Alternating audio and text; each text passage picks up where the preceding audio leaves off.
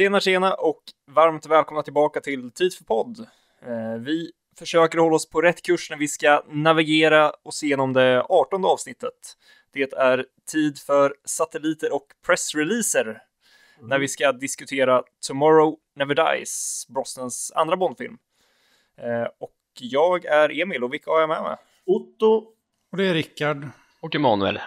Fantastiskt. Eh, jag tänkte att vi kan ju inleda lite där vi, om det som vi snackade om förra gången, om serietidningar.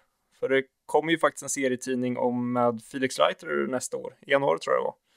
Plus ännu flera eh, litterära nyheter är ju att vi faktiskt får en återkommande författare för första gången på, vad är det, 15 år? Ja, 15 år va, mm. om jag inte minns fel. Eh, och det är ju skitkul, eller vad säger vi? Ja, verkligen. Alltså, ja, jag läste Trigger Mortis nu här mellan Goldeneye-snytten nu när vi spelar in och jag är väl inte jätte, jätte, jättenöjd med den boken som så många andra är.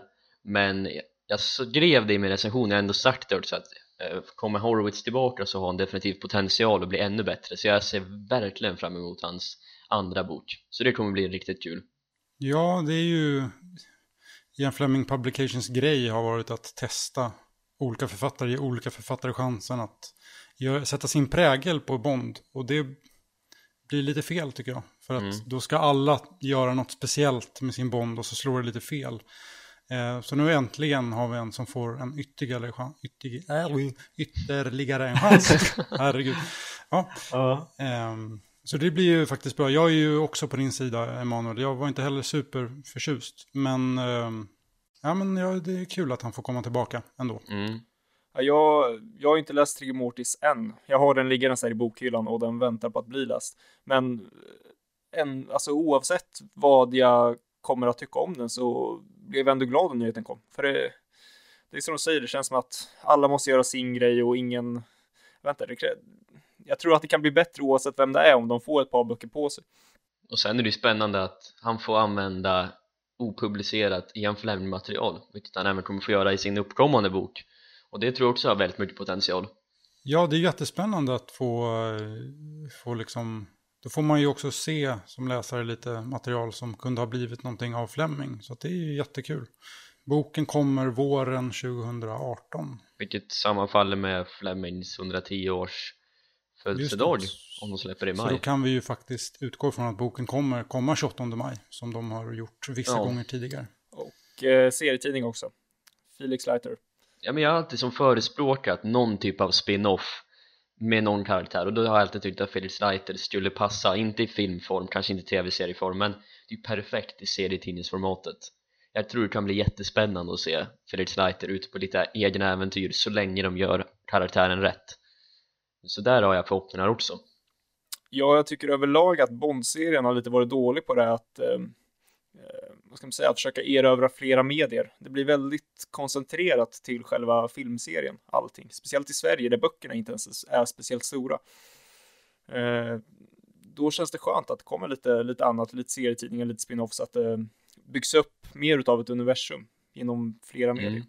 Ja, men det är ju det. Jag tror att de vill eh, just försöka, för nu är det så himla populärt med universumbyggande, så nu vill väl nu vill väl de också försöka göra någonting åt det hållet skulle jag tro. Och det är ju jättekul. Eh, just Felix Leiter har ju varit lite underutnyttjad i filmserien. Så det blir jättekul om man kan se vad de kan göra av honom i serietidningsformat. Men inga Bond 25-nyheter har vi. Nej. Nej. Att leverera. Nej. Förutom att Craig sa att det är det bästa jobbet han kan tänka sig och han saknar rollen om han lämnar den. Men han sa ju inte att han kommer tillbaka, han sa inte att han inte kommer tillbaka men jag tolkar det som en återkomst. Ja, alltså säger han Han sa ju att om han slutar då betyder det att han Precis, inte har om. slutat. Så att då är han ju kvar. Ja, och om han nu uttrycker sig positivt på det sättet så kommer han få göra en till för Ion kommer ju inte släppa honom om han själv vill göra en till. Han slutar ju enbart om han vill. Ja. Annars så slutar han ju inte av någon annan anledning egentligen Nej. Så att, men jag tolkar att han är kvar tills vidare. Ja. Såvida inte pausen blir alldeles för lång så är ju han, så kommer han ju återkomma, det är ju ingen tvekan om det längre men jag hoppas bara att MGM kan reda ut sina finanser och sina distributionsdealar så vi kan få en film någon gång annars blir det ju 2019, det är alldeles för långt fram Ja, men jag fick en känsla häromdagen att Daniel Craig gör ju den här teateruppsättningen uh, Otello, va? Ska han göra.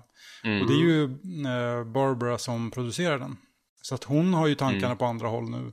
Och då tror jag inte att, ja, det visst, det kanske är någon som sitter och skriver manus, men produktionen tror jag inte är i närheten av att riktigt komma igång. Han sa ju det att de jobbar inte på Bond alls, för de är lite trött allihopa. Ja, så då 2018 kan vi ju räkna bort nästan, känns det som. Om de inte har en väldigt snabb produktionsprocess. Ja, alltså alla Bondfilmer förutom Strifle och Spectre har ju börjat i januari, februari, samma år den kommer. Så det är, vi kan inte räkna bort det än, men det känns som att chansen är mindre än den var tidigare i alla fall. Ja, för att vid det här laget, liksom ett år efter filmen som har kommit, så brukar det alltid krylla av rykten, inte kanske direkta nyheter, men man hör någonting. Massa rykten. Nu är det ganska dött. Det enda är tidningar som spekulerar vem som ska vara nästa Bond. Och det är ju helt, ja, som man väl kan förstå, ganska lösryckta rykten. Det känns ovanligt tomt och det mm. kanske tyder på att de inte har, de har inte kommit någon vart. Nej. Nu, eh, nu slängde jag ju inte ut frågan hur, eh, hur det har varit sen senast, men det känns ändå som, som att det har varit mycket Bond de senaste två veckorna. Eh, även om det inte har kommit så mycket officiella nyheter från Bond 25 så jag, vet inte, jag, jag har levt väldigt mycket i Bondvärlden de senaste två veckorna. Ja, jo, man har ju, vad ska man säga, det är svårt att sätta ord på det, men det har ju varit mycket Bond, fast inte alls något Bond. Om man säger ja. så. Det har inte varit, det har inte varit något något nytt på det sättet. Men det har ändå varit mycket snack. Mm. Ja, det är lite som den här gamla sportklyschan att någon lyser med sin frånvaro. Lite Exakt. så är det med Bond 25-nyheter just nu. Ja, um, faktiskt. Man läser mycket men ändå ingenting. Ja. Ja. Jo, så är det ju. Ja, jag har läst uh, Anthony Horowitz 3D Mortis då och även köpt en jäkla massa Gardner och Benson-böcker. Jag har köpt Gardners sex första böcker och alla Raymond Benson-böcker om Bond. Så jag har verkligen slängt mig in i den världen och jag blev precis klar med Garners första license renewed och eh, så nu, jag har väldigt mycket på gång nu i Bondvärlden, det känns skönt. Jag är på gång igen med intresset. Och jag blir, ja, jag blir, så, jag blir så lycklig att jag har fått med dig på, på, på den här vagnen, Emanuel. jag har ju varit tveksam mot Garner och Benson, men nu kände jag att nej, men det, är tid, det är hög tid att börja läsa det här nu. Jag är, det känns skönt alltså. Mm. Ge mig det är tid för Benson helt enkelt. Ja, precis. Tid för Benson. ja, men det, det glädjer mig. En, det blir väl något specialavsnitt framöver om det där. Mm. Ja, Nej, det, du, du har väl fyllt år också Emanuel, mm. likt eh, moi. Precis. Så att det är väl, eh, ja, det, det, är väl det som har hänt. Mm. Och sen har man ju samlat på sig en del förkylningar under avsnitten. Så att eh, det är väl andra gången jag är förkyld i, i ett poddavsnitt. Jag minns att du hade hög feber i From Russia With Love Emanuel. Ja, det, är det, det stämmer. Bestående minnet från hela den här Hela den här poddserien. Nej, skämt åsido. Och jag kommer ha fyllt år mellan inspelning och poddsläpp. Ja, alla fyller ju nästa år. Ja. nu i dagarna faktiskt. Jag fyller aldrig år. Nej, exakt. Ja, ja. Nej, det är väl det, är väl det som har hänt. Mycket Bond, ja. men inget Bond ja. på samma gång. Jajamän.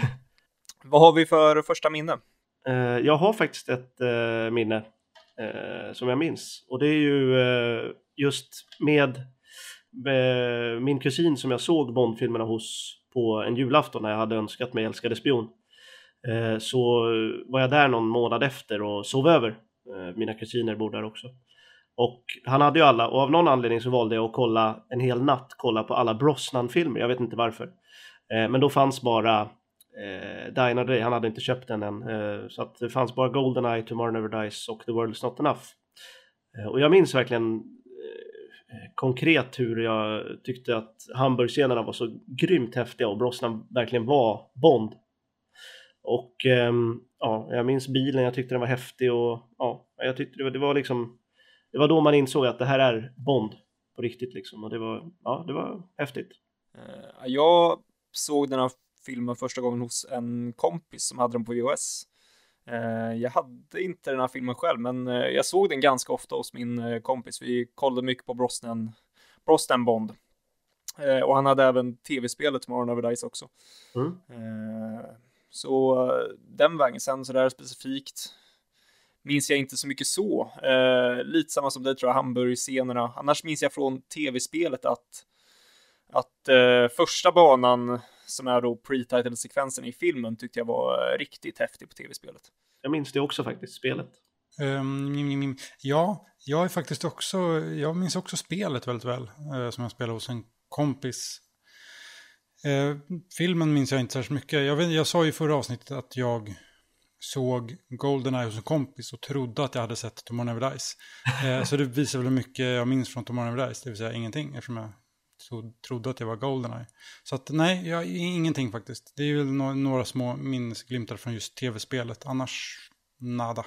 Det var det första Bond-filmen jag såg så den har ju ett jättes, en speciell plats i mitt hjärta alltså hur mina kompisar lekte Bond på rasten och jag fattade ingenting om, om vad de höll på med så att jag bestämde mig för att se filmen när den gick på tv och det var ju den här filmen som gick och så jag låg jättenära tvn med volymen nedsänkt bara för att inte föräldrarna skulle vakna för att jag, eller veta att jag var vaken på en tisdagkväll eller när det nu gick.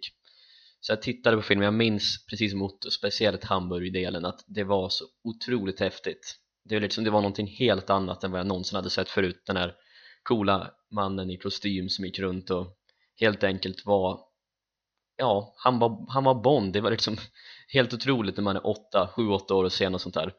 Um, så att den fastnade, jag fastnade direkt för den här filmen och tillsammans med två andra filmer är nog den här jag sett allra mest. Inte så mycket på senare år men när jag precis kom in i Bondintresse och innan jag hade alla filmer så missbrukade jag den här filmen fullständigt. Jag såg, ja, jag såg nog sönder VHSen jag äger av den här filmen för att den var den rullade konstant hemma hos mig. Jag, jag minns specifikt eh, just en grej till som jag kom på nu. Det var att jag såg den här hos min farbror också precis när den hade kommit ut. Eh, med min eh, pappa då, vi var där och kollade. Och min farbror vid den tiden hade en BMW och farsan körde Mercedes. Och det är ju två Mercedes som jagar BMW i biljakten. Och de satt och hade en enorm dispyt om vilken bil som var bäst under hela filmen. eh, så, så, jag tyckte det var, ja det var, det var när, när Mercan fastnade uppe på taket där så garvade min farbror något oerhört. Så att det var, ja det, det tyckte jag var lite roligt. Men eh, jag är lite avundsjuk på min bror som såg den här på bio faktiskt. Oj. Så det var, ja, mm. det, oj oj oj. Men det, det var ett minne jag kom på nu. Så det var lite roligt. Ska vi ta lite bakgrund till Tomorrow Never Dies? Oh yeah.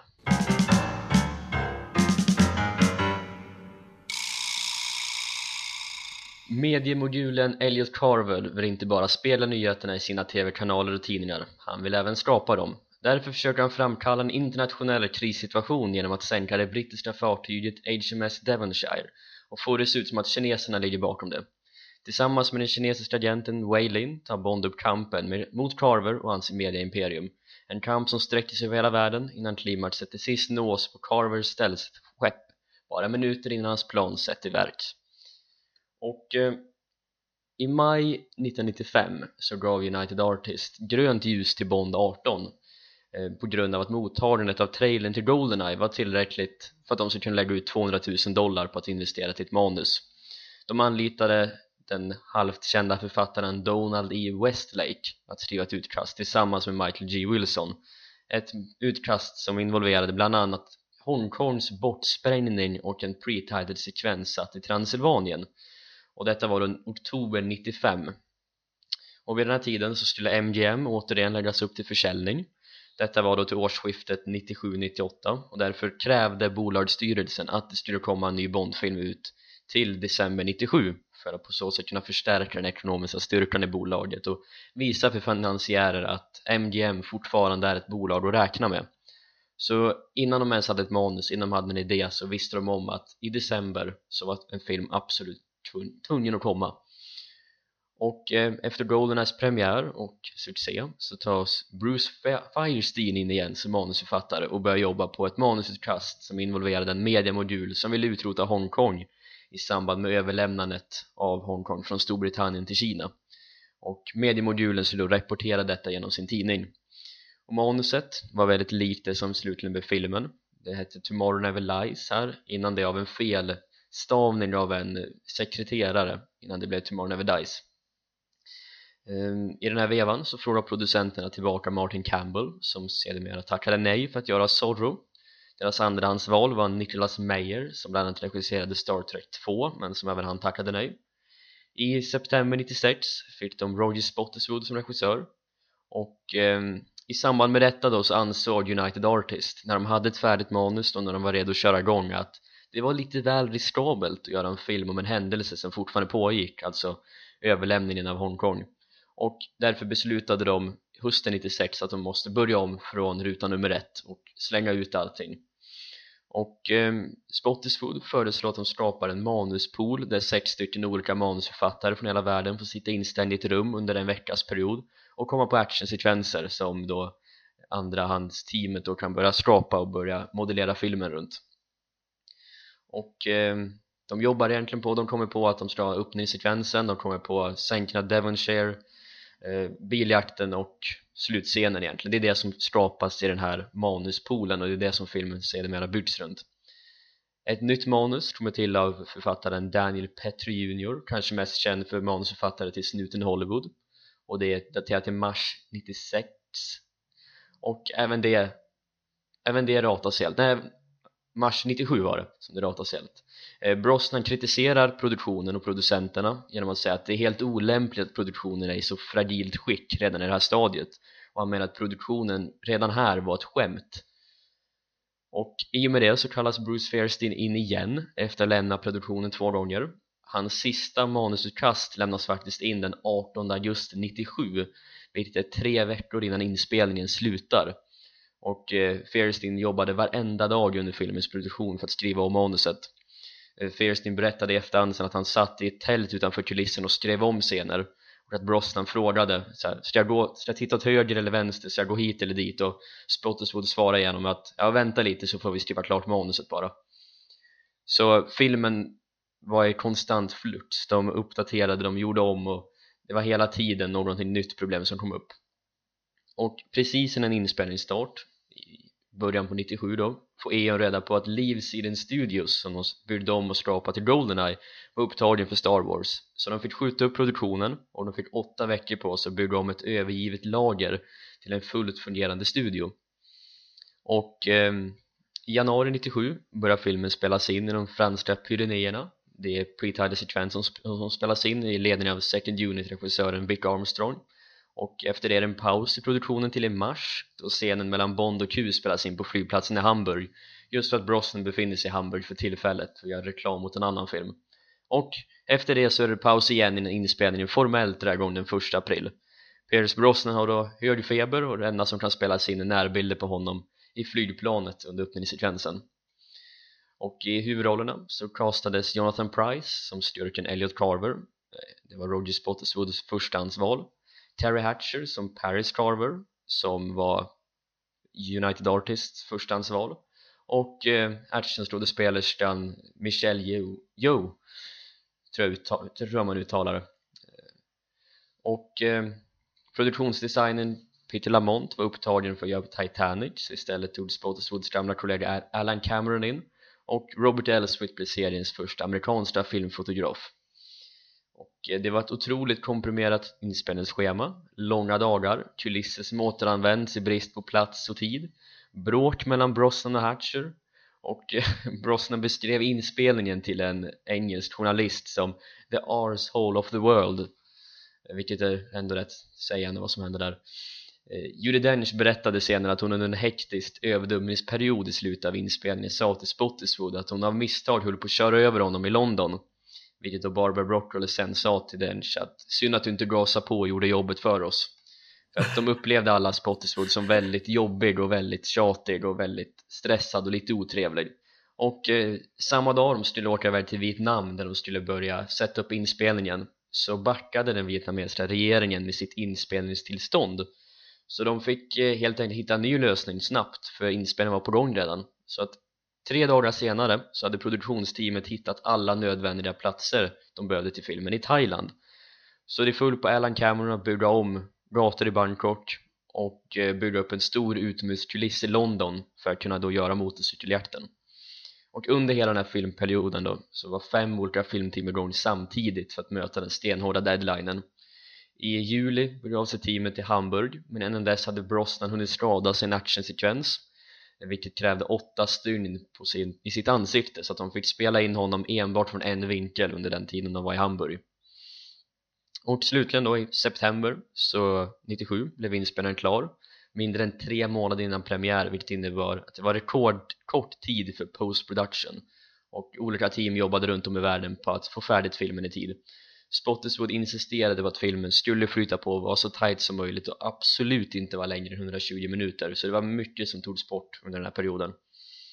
Och i oktober 97 så annonserar Sony Pictures att de har gett grönt ljus till Kevin McClory att utveckla en rivaliserande Bond-serie med första filmens premiär till 90, 1999 MGM och E.ON stämde dem och skulle dra Sony och McClory inför rätta. Just då MGM såg det som ett omedelbart hot på grund av den uppkommande försäljningen av bolaget och den potentiella skada det skulle kunna start, ge bolaget. Tomorrow Never Dies öppnade slutligen den 19 december 97 samma datum som en annan liten film, Titanic som senare gick och blev den dittills största filmen genom tiderna. Tomorrow Never Dies skötte sig väl ändå rätt väl runt om i världen och drog slutligen in 333 miljoner dollar. Något mindre än föregångaren Goldeneye men ändå väldigt starkt med tanke på alla problem de mötte under inspelningen så efter 39 fundamentala förändringar i manuset 127 tillagda scener och 149 borttagna scener kvarstod endast tre orörda manusdelar från manuset som levererades vid inspelningsstarten. Filmen krävde 23 sju dagars arbetsveckor där inspelningsdagarna var 16 timmar långa men ändå lyckades Eon Productions återigen bevisa att Bond övervinner allt. Och detta var väl särskilt viktigt för Barbara och Michael då Cubby Broccoli hade avlidit sommaren 96 men hans arv lever vidare genom sina barn och in i nutiden där Bond-serien fortsätter att övervinna alla odds Vackra ord. Ja, man blir lite varm i kroppen. Man blir alltid det när det kommer till Bond alltså. Ja, och när Emanuel eh, går igång. Jag gillar det. Det, är- det är ju, ja, jag vet inte. Det är intressant. Jag visste faktiskt inte mycket av det här.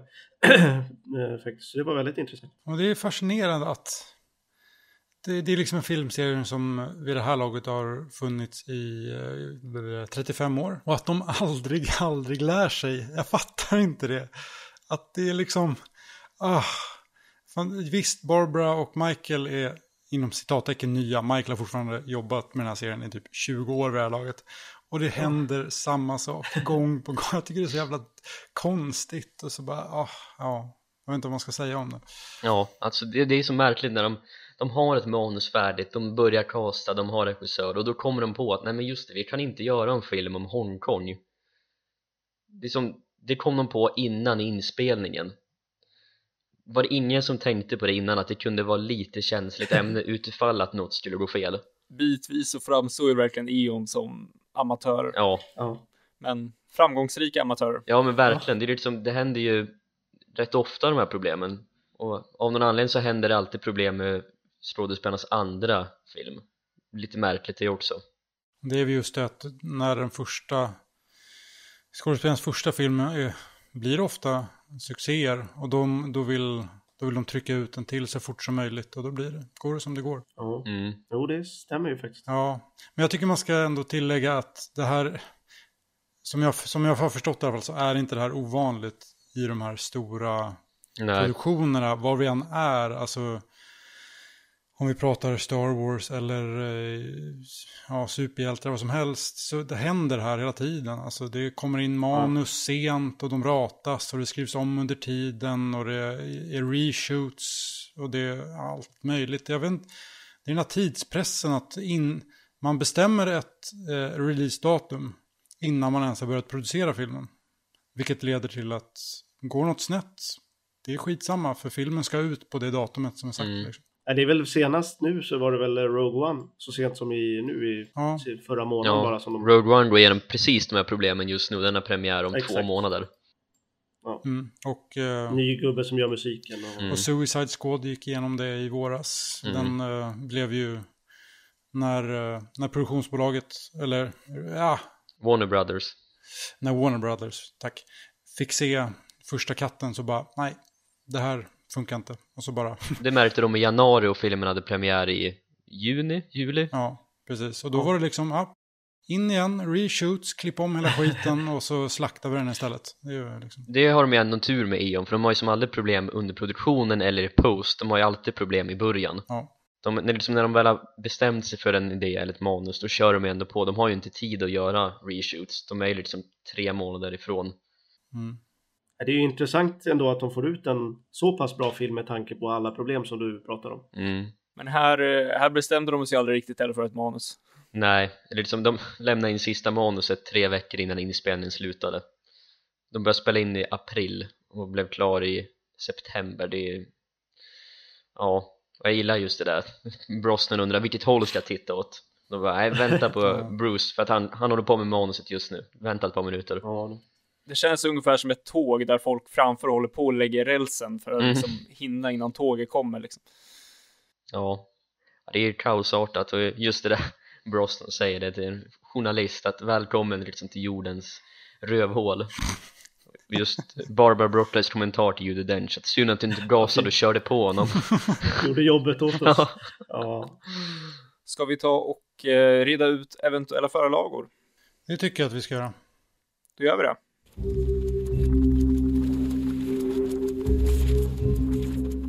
Uh, ja, jag fortsätter att leta den här eventuella Fleming-inspirationen.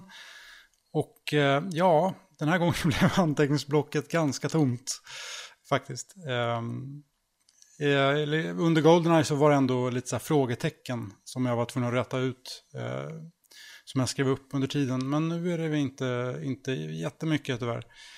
Jag har väl hittat två punkter eh, som jag ja, som jag är övertygad om är inspirerad av Fleming. Och det kan jag väl tycka är lite, lite. Eh, eftersom det ändå är en film som är baserad på hans karaktär. Men eh, första grejen är ju när Elliot Carver står och skriver Bonds eh, dödsruna.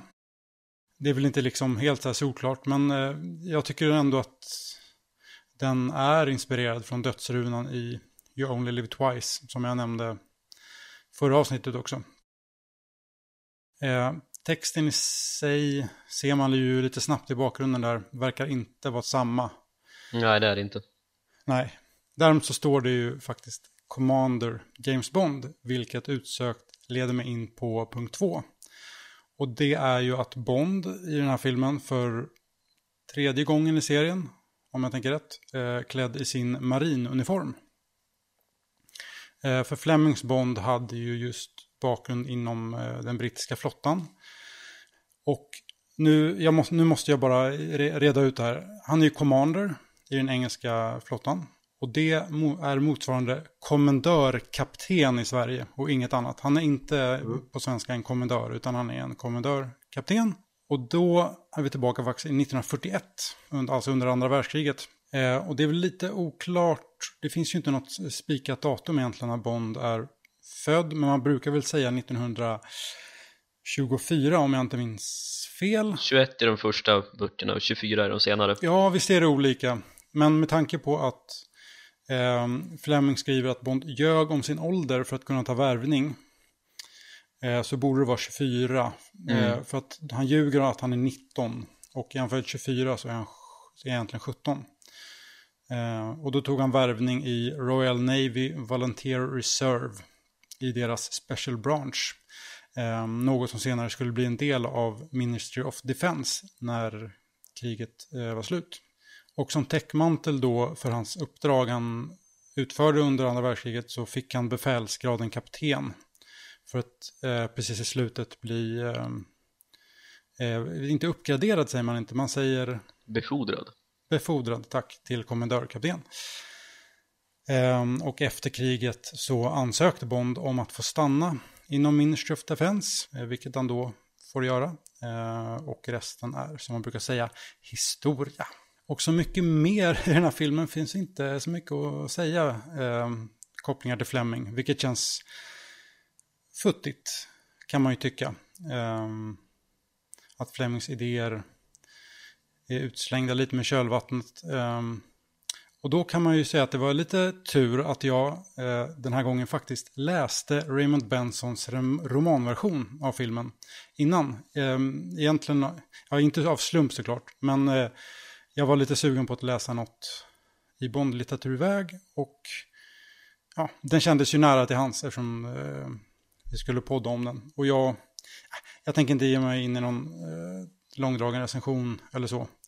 Men eh, någonting kan jag väl ändå säga. Eh, för det, det är... Det är faktiskt inte alls en tokig bok. Den är... Jag skulle vilja hävda att den till och med är mer välskriven än hans egna två första originalböcker från samma period. Zero Minus ten och The Facts of Death. Um, för de två, hans tidiga originalböcker, känns...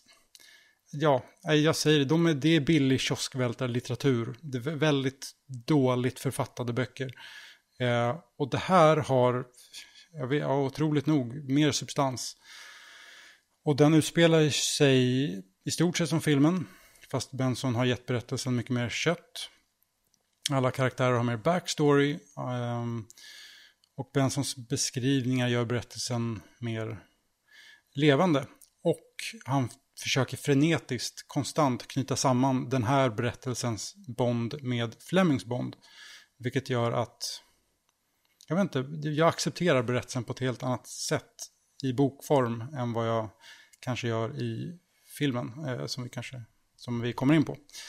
Um, och den här, det måste ju vara baserat på ett tidigare manus, jag vet inte vilket i ordningen som det är, kan vara. Boken är baserad på Fairsteins första manus från oktober och hans revisioner från januari 97. Alltså oktober 96, januari 97. Så då har helt enkelt Benson fått... Han har fått tidigare utgåvor helt enkelt och jobbat på det. Och sen under tiden som Fairstein har skrivit om så har han fått ta del av det. Mm. För att det är, den, den, den, är, den är ganska lik filmens slutprodukt. Förutom då en massa extra scener som de antagligen då klippte bort. Däremot det finns en replik i boken eh, som, ah, om de bara kunde haft kvar den i filmen, det hade varit så jäkla gött. Eh, för den måste ju ha varit med i något, någon manusversion någon gång. Och det är när Bond, han har precis flugit iväg med, det här, är det en MIG? Plan, ryddade ryska fighten eh, mm. från vapenbasaren efter att Admiral Roebuck har förivrat sig en aning. Eh, och i boken så är det ännu tydligare än filmen att eh, Roebuck, han kallas ju för Black King. Och Bond är som bekant White Knight, alltså schackpjäser. Och då när han, Bond har flugit iväg eh, och han har eh, ja, blivit av med den andra fighten som jagar honom då, vad säger han i filmen? Uh, ask the Admiral where he liked the bombs delivered. Mm. Eller något. Och i boken då så säger han Returning to castle. And can you tell the Black King that the White Knight would like to shove the whole chessboard right up his bishop? den är med i manuset från oktober 96. Ja, den är det. Ja. ja den, jag tycker den sitter så jävla fint. Riktigt syrligt och härligt. Mm. Brosnan hade levererat den ja. med bravur tror jag. Och sen när de ses senare i The Brief Room och de för första gången liksom introduceras för varandra så säger Bond I'm White Knight, you're Black King and I owe you a chessboard. ja, det hade faktiskt varit väldigt kul. Ja, men just det där shove the whole chessboard right up his bishop. Den bara sitter så fint alltså. ja, faktiskt. Um, men eh, nej, jag, jag har inte så mycket mer att tillägga. Jag har inte orkat. Äh, det finns ingen anledning att recensera den boken heller. Den är så, den är så lik filmen som den är. Så att, eh, jag, eh, jag nöjer mig så. Jag har inte så mycket mer att tillägga. Mm, väldigt bra. Ska vi gå över till att snacka filmen då?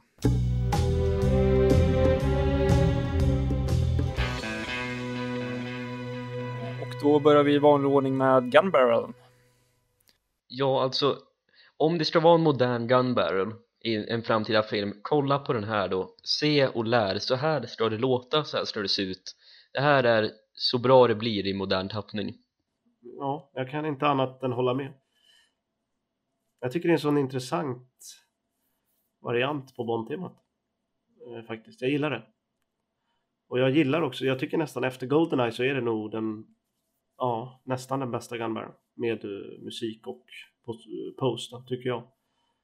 Jag tycker den sitter så bra. Det behöver inte vara svårare än så här. Nej, det är väldigt straightforward. Ja, nej, varför ska det krånglas till? Nej, exakt. Nu har jag ju gillat de två senaste, men jag menar, eh, jag tycker man kan, finns utrymme för att twista lite. Eller framförallt i musiken. Ja. Men ska man ha en klassisk Gunbarrel så bara, ja, knöla inte så mycket. Nej, jag älskar när musiken går över till inledningsscenen direkt. Ja, precis. Arnold vet precis vad han gör här. Ja, ja, definitivt. Det är som att han har laddat hela sitt liv för det här ögonblicket. ja. Ända sedan han såg You Only Live Twice när han var, vad var han, sju? Ja. Eller någonting. Så, um, han har laddat i 30 år. ja, exakt. Eh, nej, jag, jag har ingenting att tillägga till det ni har sagt. Eh, så vi kanske ska gå över till pre-title. Mm. Oj, oj, oj. Det här, är, det här gillar jag. Ja, Det är bra. Eh, det är ju inte lika bra som, eh, som Goldeneye är under större delen, men eh, det är bra. alltså fram till det att de hamnar i luften och de åker runt i flygplanet så tycker jag att det är bättre än GoldenEyes pre-title-sekvens jag vet inte om jag är färgad otroligt av när jag, från när jag var liten och så där men det är någonting med musiken, med klippningen, hur Bond framställs som hjälte att det är lite som det är han mot allihopa hur Brosnan ser ut, hur han för sig det är något som är så väldigt tätt och bra här så att jag liksom när jag såg filmen häromdagen igen, jag satt liksom och bara ja, det, det, här är, det här är Bond på något sätt jag, liksom, jag gillade det, jag blev åtta år när jag såg det där Ja, jag är helt enig med dig Emanuel. Jag satt precis och tänkte samma sak faktiskt. mm. Och det är säkert någon nostalgisk eh, grej för mig också, men jag, jag tycker att det är, jag, jag fick gåshud när han började gasa på med planet och bombtemat bara Ja, eldar på. ja men precis och det var, oh, jag får alltid gåshud av den scenen av någon konstig anledning. Just att han glider, glider in där och bara nu, nu kör vi, här kommer jag liksom. För det är som, man ser det som de här ryska missilerna liksom uppdagas Ja. och man ser och man förstår att Bond måste rädda världen och man Ja, ser bara exakt. filthy habit slå till den här Ja. ryska mannen eller vad det nu är Ah, och springer ja, det är så vidare bra. det är så jäkla bra ja, man, ska, man ska inte färgas av nostalgi men jag blir det här Ja, men det är så tätt som du sa, det ordet tog jag fasta på också. Mm. Tätt är det verkligen. Man känner att det är seriöst och ja. Tätt och sen är också Brosnan riktigt, riktigt bra vill jag säga redan nu. Ja. Eh, jag tycker den är riktigt bra hela filmen, men här är han, är han väldigt bra. mm. Ja, faktiskt. Han, han har väldigt bra pre-titles överlag tycker jag, inledningsscener alltså. Ja, det, alltså, det är en, en bra pre-title. Eller framförallt så är det väldigt bra action. Men jag tycker inte att det är särskilt bondigt att se Bond springa runt i en brun skinnjacka bland massa... Nej, det, det är lite, gränsar lite för mycket till så här en vanlig actionhjälte, tycker jag. Eh, Men det är fortfarande... Jag tycker fortfarande det är bra. Men det är GoldenEyes pre-title är överlägsen där på alla sätt. För mig i alla fall. Mm. Men det är där för mig musiken kommer in. Speciellt i den här scenen. Mm. Men just att det är inte bara Bond-temat men själva soundet på det gör att jag får jag vet inte, det höjer det några nivåer och får det till att kännas Bond för mig. Ja, där, där håller jag med, för jag har också lite de tankarna som Rickard säger. Men sen när jag sitter och tittar på det så blir det ändå att jag landar på rätt sida och det är mycket av det här musiken och allting, hur det framställs, klippning, det är bara så, så jäkla Självklart. snyggt. Ja, exakt. Alltså jag älskar hur man ser M och Robinson, Admiral Robert, de tittar på skärmarna, de förstår att det är Bond vi liksom måste lita på här. Och så musiken bara blir högre och högre och det blir mer och mer action och den laddar upp så otroligt och liksom släpper inte taget förrän att låten kommer i, i titelsekvensen. Det är som hela tiden någonting.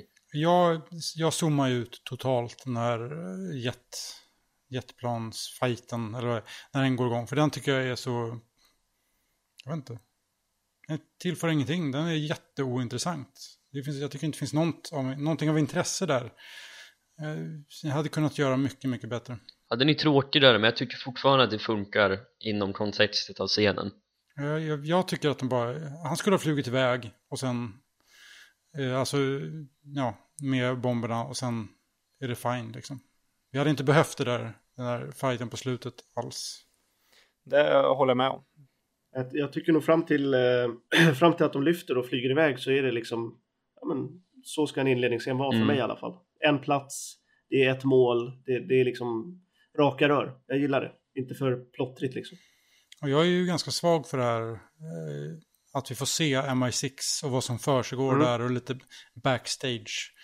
Det var ju, Crosscutting liksom. ja det var ju lite nytt i Goldeneye att man faktiskt fick se lite hur de resonerar på MI6 kring Mm. de här ja, uppdragen, händelserna.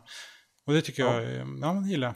Och Mm. eh, Judi Dench hon är ju ännu bättre här än vad hon var i Goldeneye Hon har inte lika mycket framstående scen, alltså inte lika framstående scen som den hon har i Goldeneye men tycker hon gör ett bättre jobb här, hon känns mer varm i kläderna och eh, så är Charles Robinson med och han har jag alltid varit svag för också Ja, det är nostalgi tror jag. Ja, För mig i alla fall. Ett, jag tycker att Judi Dench är, hon är helt magnifik i den här filmen. Alltså jag mm. älskar henne i den här filmen. Vi kommer in på det Ja. lite senare, li, lite de scenerna som jag slås av mest. Eh, och sen, men jag har alltid varit frågande till Robinson, var, var är Tanner? Varför är inte han här, undrar jag. det var ju för att Michael Kitchen som spelar Tanner, han var inte tillgänglig här så då skrev de in en ny roll och jag försökte få tag på vad är Robinsons grej, alltså vad är hans uppdrag inom MI6 och tydligen är han Deputy Chief of Staff medan Tanner är bara Chief of Staff så jag vet inte vad det blir på svenska Tillförordnad kanske? Ja precis, tillförordnad Chief of Staff Nej men det är väl alltså, jag vet inte, Judi Dench tycker jag bara blir bättre och bättre i hela serien egentligen. Jag tycker hon är så fantastiskt bra i alla filmer. Men både Judy Dench och Brosnan tycker jag tar två kliv framåt i den här filmen. Mm. Verkligen. De har skön eh, personkemi faktiskt, tycker jag. Det passar verkligen, som jag sa i Goldeneye, att de känns som de har lite mor och son eh, på ett sätt. Eh, relation. Ja, det kommer ju hamras in senare i Skyfall. Ja. Så att, Ja, jo. Men jag tycker att Brosnan och Judi Dench, de har en, det är skönt att de har en annan relation än den som kommer utvecklas i Craigs filmer Det är lite, Mm. kanske lite mer professionellt här och den växer ju fram i de två kommande filmerna också men som Emil säger, jag håller med, de, de tar två stora steg framåt båda två här Ska vi nöja oss där och gå över till eh, låt och eh, förtexter? Då kan vi börja med låten och lyssna lite på den.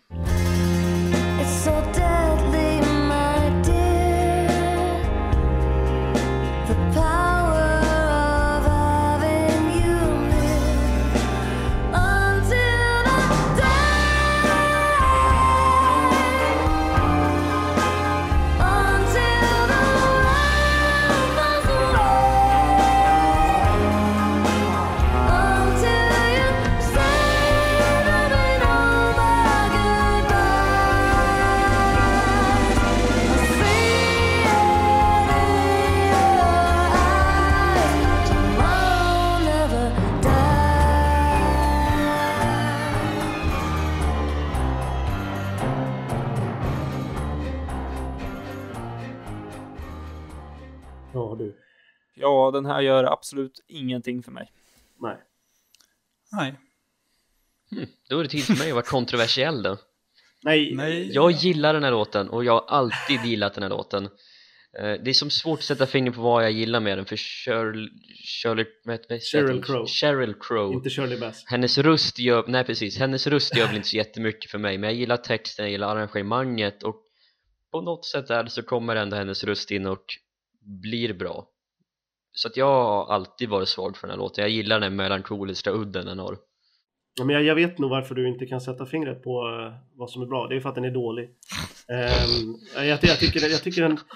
nej men skämt åsido. Den, den lyfter liksom aldrig för mig. Den kommer, till refräng, den kommer till slutet av låten och jag undrar vart var refrängen? Det finns liksom ingenting i den. den jag vet inte, det som kanske ska vara refrängen är intetsägande och släpigt och jag vet inte, är det så här Sheryl Crows musik låter så ja, vill jag inte höra mer.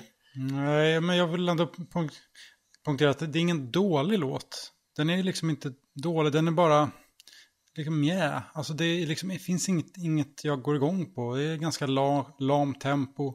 Som du säger, inga melodier som sticker ut som man undrar liksom, det är just det där. När går det igång liksom? Var det, ja, var det refrängen och lite... Mm, mm, mm, mm. Det händer inget. Nej. Den bara rullar på. Det känns som att det är en demoversion av låten på något sätt. Ehm, som jag inte gillar. Och sen hennes röst är väldigt mjäkig liksom. Jag, Mm. jag tycker att när en, när en kvinna ska sjunga en Bond-låt ska hon ha en härlig, fyllig röst som nästan så här fyller låten på något sätt som, Mm. ja, Adele eller Shirley Bassey. Exakt. Här blir det bara, jag vet inte. Ja, men hon, hon har ju en bra röst för den, de låtarna hon brukar göra. Men här är det liksom ett uppfläskat arrangemang med liksom brassstråkar och då, då faller hennes röst lite fel på något sätt. Funkar inte riktigt i sammanhanget. Det enda problem jag har med låten det är hur den passar in i filmen för den handlar ju om Paris Carver, hennes karaktär, hur hon ser på Bond och den relationen är inte så jättepåtaglig i filmen så det gör väl att låten är lite ur fokus från resten av filmen Ja, jag tycker det. Jag har alltid tyckt att det känns konstigt faktiskt. Just eh, den textraden. You're not the only spy out there och Martinis Girls and Guns och grejer. Det är bara en liten portion av filmen. mm. men som låt så tycker jag att den är jag tycker den är bra helt enkelt och jag brukar lyssna på den rätt ofta Mm. Eh, ska vi snacka förtexter istället? Mm. De tycker jag definitivt inte är bra. Nej, jag landar också, Oj. de gör absolut ingenting för mig heller. Det är liksom de här konstiga, ja men det här med att det ska vara negativ filmeffekt och det är saknar färgerna som man vill ha och det är konstiga datoranimerade tjejer som dansar jättekonstigt och det Ja. Jag får alltid så jävla ont i ögonen av att titta på den här titelsekvensen. För det är så mycket, det är inga, det är inga klara färger och när det väl är färger så är det liksom de där blåa, röda och gröna färgerna som inte riktigt, de, jag vet inte, det känns fel bara. Det känns inte snyggt alls. Och sen när, eh, när glaset går sönder, då kommer jag att tänka på uh, Hajen 3. Ja, 3D, Ja, när hajen kör igenom glaset, den här eh, Ja. ökända filmeffekten. Det är aldrig bra det känns som, det känns som de här gamla Windows-skärmsläckarna. Ja, det... Otroligt fult alltså. Nej, nej, det här, är, det här är inte bra. Det här är inte bra. Först, första tio sekunderna är bara ett virr, ett mischmasch av massa skit bara. Oj. Om ni tittar på första 10-15 så är det bara så mycket som bara staplas på varandra. Dåligt Oj. är det bara. Emanuel, du eller jag? Kör hårt Rickard, kör hårt Jag älskar den här titelsekvensen. jag, jag, den, jag tycker den är, den, är, den är snyggare än Golden Eyes för det första. Eh, den, är, den är originell och den är ganska unik eh, i, i, eh, i Bond-serien. Jag tycker att det är väldigt, väldigt många snygga sekvenser. Väldigt många snygga grafiska effekter. Själva temat med det här liksom insida-utsida funkar skitbra för mig. Ehm, ja, ja, jag, tycker, jag tycker hela sekvensen är riktigt, riktigt snygg. Ja men alltså, jag tycker det här är Kleinmans svagaste jobb överlag. Eh, och det är för att det är lite för mycket idéer kastade upp på, upp på bild, alltså upp på filmen. Det, är, det hade varit bättre om man hade hållit sig till ett enhetligt tema. Men alltså ja, den är väl bra men den känns lite väl daterat om man jämför med både Goldeneye och vad som kommer här efter. Men alltså den är bra, jag tror, jag tror den lutar mig mer åt Rickards åsikt än åt er andra tvås Ja. Story of this pod. Emil och jag mot Mm. Emanuel och Rickard. Nej, men daterad är den ju definitivt och just de där Hajen 3-effekterna känns ju daterade långt innan det. mm. Ja, ja, ja. Alltså det, det enda, jag, jag ska ta den här lite i försvar, det är ett klipp som är ofantligt snyggt. Och det är ju när eh, halsbandet blir satelliter. Och det hal, vad heter det, kinden på kvinnan blir månen. blir, blir jorden Ja exakt, jorden och månen i bakgrunden. Det påminner så mycket om Moonraker när rymdskeppet eh, Moonraker flyger upp i, i rymden. Det är väldigt snyggt. tas ifrån en replik som Carver egentligen hade i filmen så att hans satelliter är som ett pärlhalsband runt en kvinnas hals Exakt. Det tycker jag är ofantligt snyggt. Resten är eh, blä bara. Ja, Jag, jag tycker liksom alla de där idéerna med liksom insida utsida, att man inte riktigt vet vad som finns på insidan och så får man se insidan. Och så, jag, vet inte, jag, mm. jag, tycker, jag tycker alla de där funkar väldigt, väldigt bra Mm. för mig. Jag Eh, håller med Manuels åsikt om att det är Kleinmans sämsta. Det håller inte jag med om, förstår ni. Intressant är ju att eh, Roger Spottiswoode han var ju så emot den här titelsekvensen så att han absolut inte ville ha sitt namn på den överhuvudtaget så då fick de föra in en kort svart bildruta där hans namn är precis mellan titelsekvensen och det att filmen börjar Oj då. Så jävla konstigt. ja, Jag är med, jag är med Roger Spottiswoode. Ja, jag med. Jag håller mig någonstans mellan eh, titelsekvensen och första scenen. Så. Otto, du kan vara lugn. Du kommer aldrig få ditt namn på en titelsekvens i Bondfilmen. Nej, det är skönt. Oh. Det är skönt. oj oj oj Aj, aj, aj. Hashtag backa Spottiswood. Ja, exakt. Ska vi ta och lämna det här? Yes. Yes. Eh, Vi hoppar på Devonshire istället. Och blir eh, attackerade. Ja. Nu är det två MIG-plan i alla fall. Ja. Ja, det är, mycket, det är mycket som är konstigt med den här scenen tycker jag. Det är Ja. just att de slänger in en kör, låter som någon syntkör i, eh, i slow motion och grejer. Det är ju det, det är sample, samplekör. Ja, visst är det det. Ja, Det lät, lät, ja, det, ja, jag vet inte. Och så är Gerard Butler med och det... By the stern! Ja, det är så, han pratar den mest jävla breda dialekt jag någonsin har hört liksom. Så att det, Men det är ju det, alltså att jag kan inte påstå att jag tycker att den här scenen är dålig, men det bara känns malplacé i en Bondfilm. Det, det, jag, jag rycks ut lite för att det känns lite tonalt off. Ja, verkligen. Jag kan inte heller sätta fingret på vad det är som är Emanuel med titelsekvensen, eller med låten. Men det, det bara känns inte rätt. Det faller bara inte rätt för mig. Ja men det är för att det kommer för plötsligt efter den här superbombastiska actionsekvensen och sen titellåten och sen kommer vi in i den mörka, tragiska scenen där människor dör bara helt plötsligt och det är kör I och slow det, motion också. ja, Det är lite så här, ett- det är ett dimmigt shot, lite så här i slow motion och den där kören kommer på. Det är så här verkligen, oh, det är så Armageddon. Ah. Ja, men här får, jag, här får jag liksom det första indikationen på det jag kommer ta upp lite längre fram i filmen också, att det är den smörigaste Bondfilmen. För jag tycker det är så otroligt smörigt med, det kommer, det kommer scener sen också, men det känns så kör i Bondfilmerna, i alla fall på det här sättet, när folk dör och slow motion. Det är två saker jag är väldigt emot överlag. det är som att de har sett trailern till Titanic och Ja. att de kommer på att ja just det, vi släpper den här filmen samma dag som Titanic då måste vi göra lite tragiskt som att en båt sjunker här också Ja. och hur gör vi det? Ja men vi kör ett slow motion, vi kör en kör, då är det mer tragiskt än att Leonardo Ja. DiCaprio dör själv ute på havet Ja, shit alltså. Och att det känns ju mer som att det här är slutscenen än att det är precis efter titelsekvensen. Ja men det är det, den är felplacerad just Ja. i filmen Okej, en fråga om jag får vara lite dum för en gångs skull. Eh, varför filmar de när de skjuter dem? Det har jag aldrig fattat heller. Det är väl för, för, för att få nyhetsstoff, eller? Ja, det, det skulle ju se ut som att det är kineserna som skjuter ner dem Varför skulle kineserna filma? Ja, det där fattar inte jag heller. Varför skulle, varför skulle kineserna filma när de mejar ner brittiska sjömän? Det är väl ingenting de vill skryta om precis. Nej. Nej, men det är väl det som är tanken. Ja men Tomorrow vill väl inte heller stå för att de för då antar man, man är inte helt dum i huvudet så antar man ju vem har hållit i kameran liksom. Någon på Tomorrow då antagligen, om de kommer med det här reportaget. Någon inside reporter som, nej jag vet inte. Nej jag fattar Nej. inte, vi får ju aldrig se det footaget heller så att jag vet inte. Det måste vara något som har klippts bort, känns det som Ja, det kommer i landet runt sen. Ja, men det är ju en otroligt välfilmad scen i alla fall jag, Ja. så, alltså som den här filmen är otroligt välfilmad rakt igenom men just det här i början på Devonshire det är bra ljus, bra det är dimeffekter mycket sköna kameravinklar det är som ett långt steg upp från det fruktansvärda vi upplevde på 80-talet så det är jätteskönt att vi har kommit upp i kvalitet nu här äntligen med fotot Emanuel har bestående men från Ja, det 80-talet. låter som någon sån här katastrof, eh, Ja, ja, det som händer? Jag tycker det påminner lite om The Spy You Love Me faktiskt, när det börjar skaka i kaffekoppar och Mm. det börjar, ja jag Ja, det är det. ju lite obehagligt. Ja, minst sagt. Ja, det var det jag tänkte komma till, att det känns ändå, det är svårt att sätta fingret på vad det är, men vissa grejer känns ändå som att fan, det här skulle kunna vara ja, en Roger Moore-film liksom, Ja, faktiskt. någonstans där. Eh, Påminner ju lite om USS Indianapolis också, om ni har läst om den. Ja. Eh, ett fartyg som sjönk i Filippinska sjön eller vad det heter på, under andra världskriget. Som Robert Shaw bland annat berättar om i Hajen. mm. Just det. Eh, ja, lite på, påminner om, om den. Inte för att jag var där, men det påminner. Sen gillar jag just den här touchen att de som är ombord på fartyget, skådespelarna, det är ju riktiga människor inom brittiska flottan.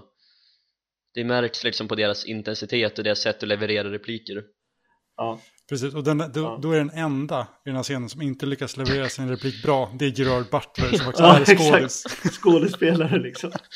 Men det känns så konstigt. Varför? Inte för att han var stor då, men varför? Ja, Nej, det är hans andra film-credits. Mm. ja exakt. Men varför? Tog, ja, varför? Skulle han föreställa vara britt i den här filmen?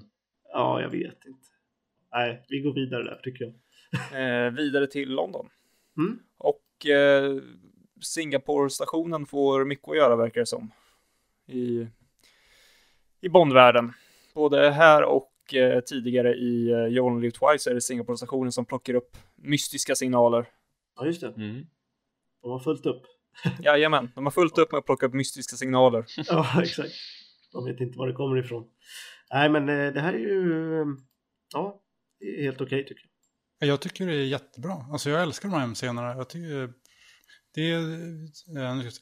Judi Dench har jätte... Jag tycker hon har så skön eh, kemi med vem... Vad heter han som spelar Roebuck? Jag vet inte. Eh, Bob Conley. Bob, nej. Nej, jag skojar. De har, jag tycker de har så himla bra kemi. Och sen, eh, ja, jag går händelserna några minuter i förväg. Eh, det är briefingen i bilen. Alltså, ja, jag tycker det är så klockrent bara så här. "Ja, Nu har vi bråttom som fan. Vad gör vi då? Ja, men då är briefingen i bilen på väg till flygplatsen. Det- Jag tycker det är så klockrent. Jag tycker det är en, det är en av mina favorit-M-scener i hela, hela serien faktiskt. Ja, faktiskt. Så långt skulle jag inte vilja säga att, att det är, men den är väldigt, väldigt bra. Jag gillar också det att de försöker göra någonting, någonting annat och eh, inte bara det att de gör någonting annat, det funkar också väldigt, väldigt bra. Mm, mm. Jag gillar hur Bond-temat kickar igång där Mm. också. Det bara s- snärtar igång. Jag tycker det är, det är fint. Filmen är otroligt effektiv i sina första 30 minuter Mm. Jag har, har kanske lite svårt för att Bond är på Oxford och studerar danska Det känns Varför inte danska? Ja precis, det känns inte helt i Bond, i linje med Bond som karaktär att han befinner sig på Oxford Ja. Nej, det, det känns ju, det var väl tänkt att, jag vet att Agneta Sjödin provspelade för att vara eh, hon som ligger där med Brosnan. Ja, de var väl ute efter svenskar först Svenskor först och främst Mm. Ja, svenskar kanske Ja. också. ja. Mikael Persbrandt kanske ja, exakt. You can touch it if you want. alltså. Åh herregud alltså. Nej men det var väl, det var väl lite så va med Agneta Sjödin och någon annan svenska kanske. Jag vet inte. Ja. Henne har jag faktiskt hört talas om att hon var Precis. med där. Nej men det, jag har alltid gillat den här Cunning Linguist och sen Don't Ja. ask, don't tell Det tycker jag alltid är så bra replikskift mellan M och Moneypenny Ja, men även Moneypenny känns som att hon också har tagit ett par kliv, eh, framåt. Ett par kliv framåt. Känns som att det är bara mer gjutet. Mm. Det känns Ja. mer som att fan nu, nu vet de vad de håller på med. Exakt. Eh, de som är återkommande alltså. Ja, Mm. sen att just Moneypenny sätter inte Bond på plats i den här filmen vilket hon gör i någon kapacitet i, ja, i de tre andra Brosnan-filmerna här är det som det här är det lite klassiskt den här flörtiga dynamiken finns här Mm, helt klart. Jag måste bara säga det om scenen vi Rickard gick lite i förväg där. med Mike, Michael G. Wilsons, min favorit cameo med han här eh, i Carvers scen. mm. Consider him slimed. eh, ja, jag tycker den, är- det, det är min favorit cameo av Michael Wilson. Jag tycker han gör sig så himla bra i skärmform eller vad man ska säga. Jag tycker, det, jag tycker han, är, han är fantastiskt bra där. Han sitter och han har liksom två repliker och det, det är bra. Alltså, jag, jag gillar det. Han gör sig bra på en skärm. Åh shit alltså. Ah. Så den scenen gillar jag. Sen gillar jag också repliken There's no news like bad news. Han låter så... Ja, han är väldigt taggad. min favorit är nog ändå Delicious Ja, men han har, han, har, han har också väldigt bra repliker, Jonathan Price. Ja, men jag och Carver introduceras ju ganska bra. Ja, Ja, han introduceras bra, han har bra repliker i början, men ett av mina största problem är nästan tvärtom. Han har mycket dålig dialog i den här filmen. Eh, sen, han, annars gillar jag här i början, men sen tycker jag att han får väldigt dåliga repliker att jobba med lite senare. Alltså jag gillar när skurken introduceras tidigt i filmen Det har varit som en tendens, speciellt i Craigs film att det har kommit in så pass sent i filmen men just här, här kommer Carver in tidigt, han är en närvaro och han finns i bakgrunden hela tiden det är som, vi behöver inte fundera på vem är fiendet utan vi får bara ta reda på varför han är fiendet liksom ja, exakt. Det är det han säger själv också. It's not who or when or what, it's why. mm, precis en av mina absoluta favoritshots i Brosnan-eran är just den här med när vi ser Carvers glasögon och vi ser hans skärm i ena glasögat och vi ser hans öga i det andra riktigt, riktigt bra Ja. långt ifrån John Lenn, det är det alltså Nej, det jag tänkte på var ju just att det var... det- Det känns som en väldigt aktuell story på något sätt, även idag. Och det har jag vet jag att jag pratar med er om också. Jag tycker den är väldigt... eh, Ja, den känns väldigt up to date på ett sätt. Vilket jag gillar. Medians inverkan på, Exakt. på händelser, det är ju ja, det är väl fortfarande väldigt, väldigt aktuellt. Ja, exakt. Det är ju bara lite olika små detaljer som har ändrats, men Mm. själva grundbulten är ju fortfarande väldigt aktuell, vilket jag gillar. Jag ser bara nu med presidenttider, eller presidentvalstider i USA, det är ju så tydligt det bara blir hur folk kan påverkas av media och så Exakt. Ja, det är väldigt eh, härligt där med att de ska spela ut stormakterna mot varandra. Det är mm. ju Mm. klassiskt. Ja, exakt. I modern tappning. Så att jag, jag gillar det. Det bästa av två världar liksom. Är vi klara i London? Ska vi åka till Tyskland? Eller hade vi något mer på där innan? Nej, det är en bra MC. Vi drar. Ja, vi sticker. Då tycker jag vi drar till Hamburg. Ja, Eh, och vi träffar Q på flygplatsen. Jag måste Mm. säga att eh, Bonds kläder när han anländer i Hamburg är under all rimlig kritik. ja, gräsligt fula. Vad är det för färg på rocken? Alltså, det ser ut- Bajsbrunt. ja, exakt. Jesus Christ. Min anteckning var att han ser ut som en ondskefull Wall Street-direktör. Ja. Ja. Lite som Donald Trump faktiskt i eh, Ja, tidigt faktiskt, 80-tal. faktiskt. Ja, shit alltså. Ja, så pratar han tyska också. Ja, lite styltigt. Ja, verkligen. Herregud alltså. Nej, det, han ser ju verkligen ut som en businessman. Brosnan. Ja, och det är det som är, det måste finnas en balans där, för jag tycker att Bond ska ha lite business look, men det måste finnas någon slags, vad ska man säga, någonting som sticker ut, eller någon edge som gör att han inte ser ut som en businessman. Ja, han ska ju inte gå och köpa kläderna på Dressman liksom. Nej, Och det är lite den känslan man får. Alltså. här är det ju bara business. Och det, Ja, ja nej. exakt. Nej, det gillar jag inte heller. Jag tycker överlag att Brosnan är väldigt välklädd i den här filmen, i alla fall första halvan av filmen Förutom just den här rocken då, så tycker jag annars Mm. att han ser väldigt bra ut Mm. Helt klart. Ja, och jag tycker att de flesta kostymerna eller kläderna på sig slår lite fel. Faktiskt. Eh, ja, nästan allt. Jag, jag tycker det snyggaste, jag tycker det snyggaste han har på sig är ju egentligen när han sitter och dricker vodka sen lite längre fram. Ja, Det är ju så här enkelt. Vi- Vit smokingskjorta, eh, kostymbyxor, det, det behöver inte vara svårare än så. Det absolut bästa det är ju passformen på kostymen, det ser inte tight ut Det är liksom, det är bara Ja. Det passar Brosnan och Bond, det är liksom, det är kostymer och smoking, det ska inte sitta så jävla tight som det ska vara nu för tiden ja. Utan just i, i de här filmerna så är det väldigt bra hållning på dem Mm. Mm. Allting följer modet. mm. Ja, jo, så är det. Så är det. Men jag, jag, jag vet inte riktigt. Jag tycker nog att alltså, Brosnan överlag är, är lite väldigt businessmanaktig i den här filmen. Och det, som jag sa till er, han känns ju mest av allt i, de, i den här filmen, av alla hans filmer, så känns det som att han gör visa-reklam under hela, under hela inspelningen egentligen. Så att jag vet inte, jag får lite den bilden av han i, i Tomorrow Never Dies. Ja, Q i alla fall. Q-möte. Bond får en bil. Ja, Eh, BMW. tyvärr. Ja, det är ju en rätt kul Q-scen Ja, Förutom använt av Bond-temat som jag faktiskt inte tycker passar in här nej. Jag är helt enig. Är så- Desmond ser så fruktansvärt gammal ut helt plötsligt. Det gick väldigt fort mellan förra filmen och den här. Jag tyckte det, det är ju en bortklippt scen när de har en, en livslevande Jaguar bredvid. mm. Den syns ju i bakgrunden. Ja, exakt. Eh, det, ja. Alltså, ja, det var nog bra att de klippte bort den scenen. Lite kul att Desmond Llewell- Llewellyn han buttrade på att, eller muttrade med att att Roger Spottiswoode han tillät inte Desmond att använda såna här cue-cards som han hade i Goldeneye så han var tvungen att lära sig alla repliker de sa Jaha. att det tog flera, flera timmar bara att utföra de enklaste replikerna just på grund av åldern och just på grund av hans dåliga minne men Spottiswoode insisterade, insisterade på att han skulle inte få läsa av replikerna utan han var tvungen att kunna dem Oj då, taskigt. ja det är kanske lite hårt Ja. Q-cards, ja. Mm. Nej men, eh, ja, nej, jag vet inte, jag tycker, jag tycker den är ganska är bra scen. De har också bra kemi, Brosnan och Q. ja. Brosnan och Llewellyn. mm. Det kom också en Ja, väldigt rolig, rolig line. That's what I've been doing wrong all these years. Ja.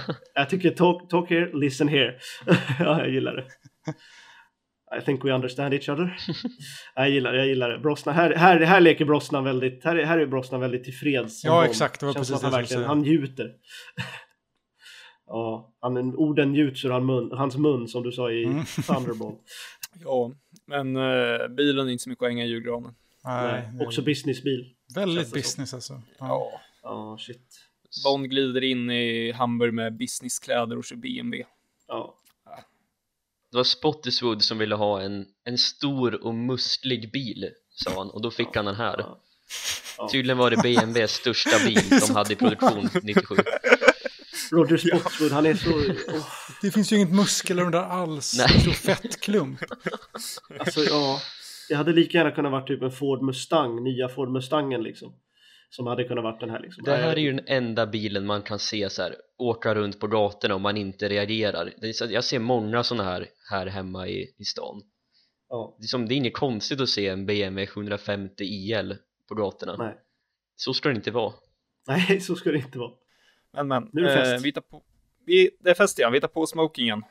Um, snyggare smoking än senast, på tal om kläder, men Nej, det är Ja, fortfarande det- inte det är fortfarande inte bra. Nej, exakt. Men någonting som faktiskt eh, som är bättre den här gången tycker jag nog ändå är Bond James Bond. Mm. absolut. Den sägs mycket, Ja. Han säger mycket mer naturligt den här gången. Men det är fortfarande det att de pushar in kameran och all musik och all bartens ut tyst när han säger Ja, det. det är så... Det är platt fortfarande, för jag tycker, in, jag tycker den är bättre, men det är fortfarande under godkänt för mig. Jag tycker inte det är bra alltså. Han, han smakar på munnen, det är så här, håller på och smackar och grejer innan han ska säga. Det är som att han förbereder sig så jävla mycket och det, det stör mig. Det är inte bra, men levereringen är mycket bättre Mm. än i Goldeneye. Ja, Ja. det kommer mer naturligt ändå. Nej, jag vet inte. Jag tycker den är, om, om den i Goldeneye var 2 av 10 så är det väl här 4 av 10. Ja. Ja, Sen gillar jag det Carver bara totalt stru- sluta bry sig i Bond när Waylane kommer ja. Jag tycker det är, ja det är, ja. Elliot Carver är en av mina, han är en underskattad skurk för mig. Har, har varit länge. mm. Eh, ja, vi kan ju avhandla han nu, du, nu när du kom Ja. in på det. Det är en stor scen för honom. Han står ju och snackar om Angus Black och Ja, mycket med trevligt. Eh, nej, jag har egentligen också alltid gillat honom. Det är väl mest... Jag, jag tycker att själva rollen i sig är väldigt bra. Det är väl lite det som jag sa förut. Jag tycker att han inte riktigt får några riktigt bra scener. Hans dialog är lite sådär. Det är framförallt i början som han verkligen är riktigt, riktigt bra. Men jag tycker att rollen har mer potential. Mm. Eh, men jag har alltid gillat, eh, gillat Elliot Carver, absolut. Ja, jag har fått känslan framförallt i, mot slutet att Jonathan Price, han verkligen försöker liksom rädda upp allt materialet han har att jobba med. Eh, för att det är lite, det är, det är väldigt mycket lines som är lite konstiga liksom. Men, eh, Mm. men han, han, han gör ju rollen bra, tycker jag. Mm. Ja, alltså jag har alltid gillat Elliot Carver, jag tycker han är underskattad. Han har bra repliker, men det är ju också så att om inte det hade varit Jonathan Price i huvudrollen så hade, eller i rollen då så hade ju karaktären i sig inte varit lika bra. För jag tycker Jonathan Price han spelar stort när det behövs och han spelar in den lite när det, när det också behövs. Det finns som någon liten udd där om att han är han har mindervärdeskomplex jag menar i manuset och bortklippta scener så visar det sig att han är att han är barn till en, en, Hong, en kvinna i Hongkong och en brittisk mediamogul som han sedan mördar för att ta över hans, hans mediaimperium. Så att det finns ju någon udd där att han är svartsjuk, han är ynklig som människa men att han kompenserar genom att göra de de stora sakerna. Och han, jag tycker han har jättemånga bra repliker. Han och Jonathan Price verkligen spelar upp det så stort det bara går och säljer hem alla de här löjliga Mm. replikerna. Och eh, ja, alltså jag har alltid gillat han, jag, ja, topp fem tror jag nog att Elliot Carver är ändå för han är ändå arketypen av en typisk Bondskurk men han lyckas ändå lägga in lite mer humor och lite mer tragik i det hela så han är definitivt en enorm höjdpunkt i filmen Ja, Ja, det känns ju som att han eh, spelar honom nästan mer tragisk Mm. än vad man kan tro. mm. Jag får i alla fall den känslan av att han nästan är lite, lite Mm. tragisk människa nästan. Det är när han tittar liksom på, på Paris när hon pratar med Bond första gången man ser att han är, han är ju inte en hel människa nej. nej. Jag tycker han spelar väldigt bra faktiskt. Det är ju som du säger, det är mycket tack vare Jonathan Price själv. Eh, och han, han, ja, han känns, det finns någon fara där bakom ändå. Man vet all, han är väldigt oberäknelig tycker jag. Man vet aldrig riktigt vad Mm. han ska, om han ska hoppa på någon eller om han ska stå där och, jag vet inte, stirra ut någon eller någonting. Ja, det är svårt. Ja men precis, och liksom, i, i en skurk där vill jag gärna ha att det finns, att det finns komplex motivation. Jag vill gärna se att han är farlig men att man ändå kan relatera till honom. Och det tror jag göra i nästan alla scener han är med i. Jag förstår kanske inte varför han gör som han gör men jag kan förstå hur han tänker. Och jag kan liksom sätta mig in i hans tankesätt när Paris har historia med. Bond och allt det där.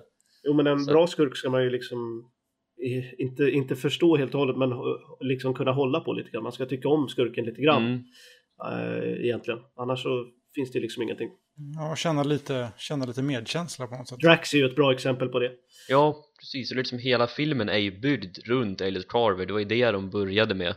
Och liksom allt har ju byggt runt den karaktären. Det, det märks, för han är ju liksom med hela tiden och det är han det kretsar Mm. runt egentligen. Verkligen.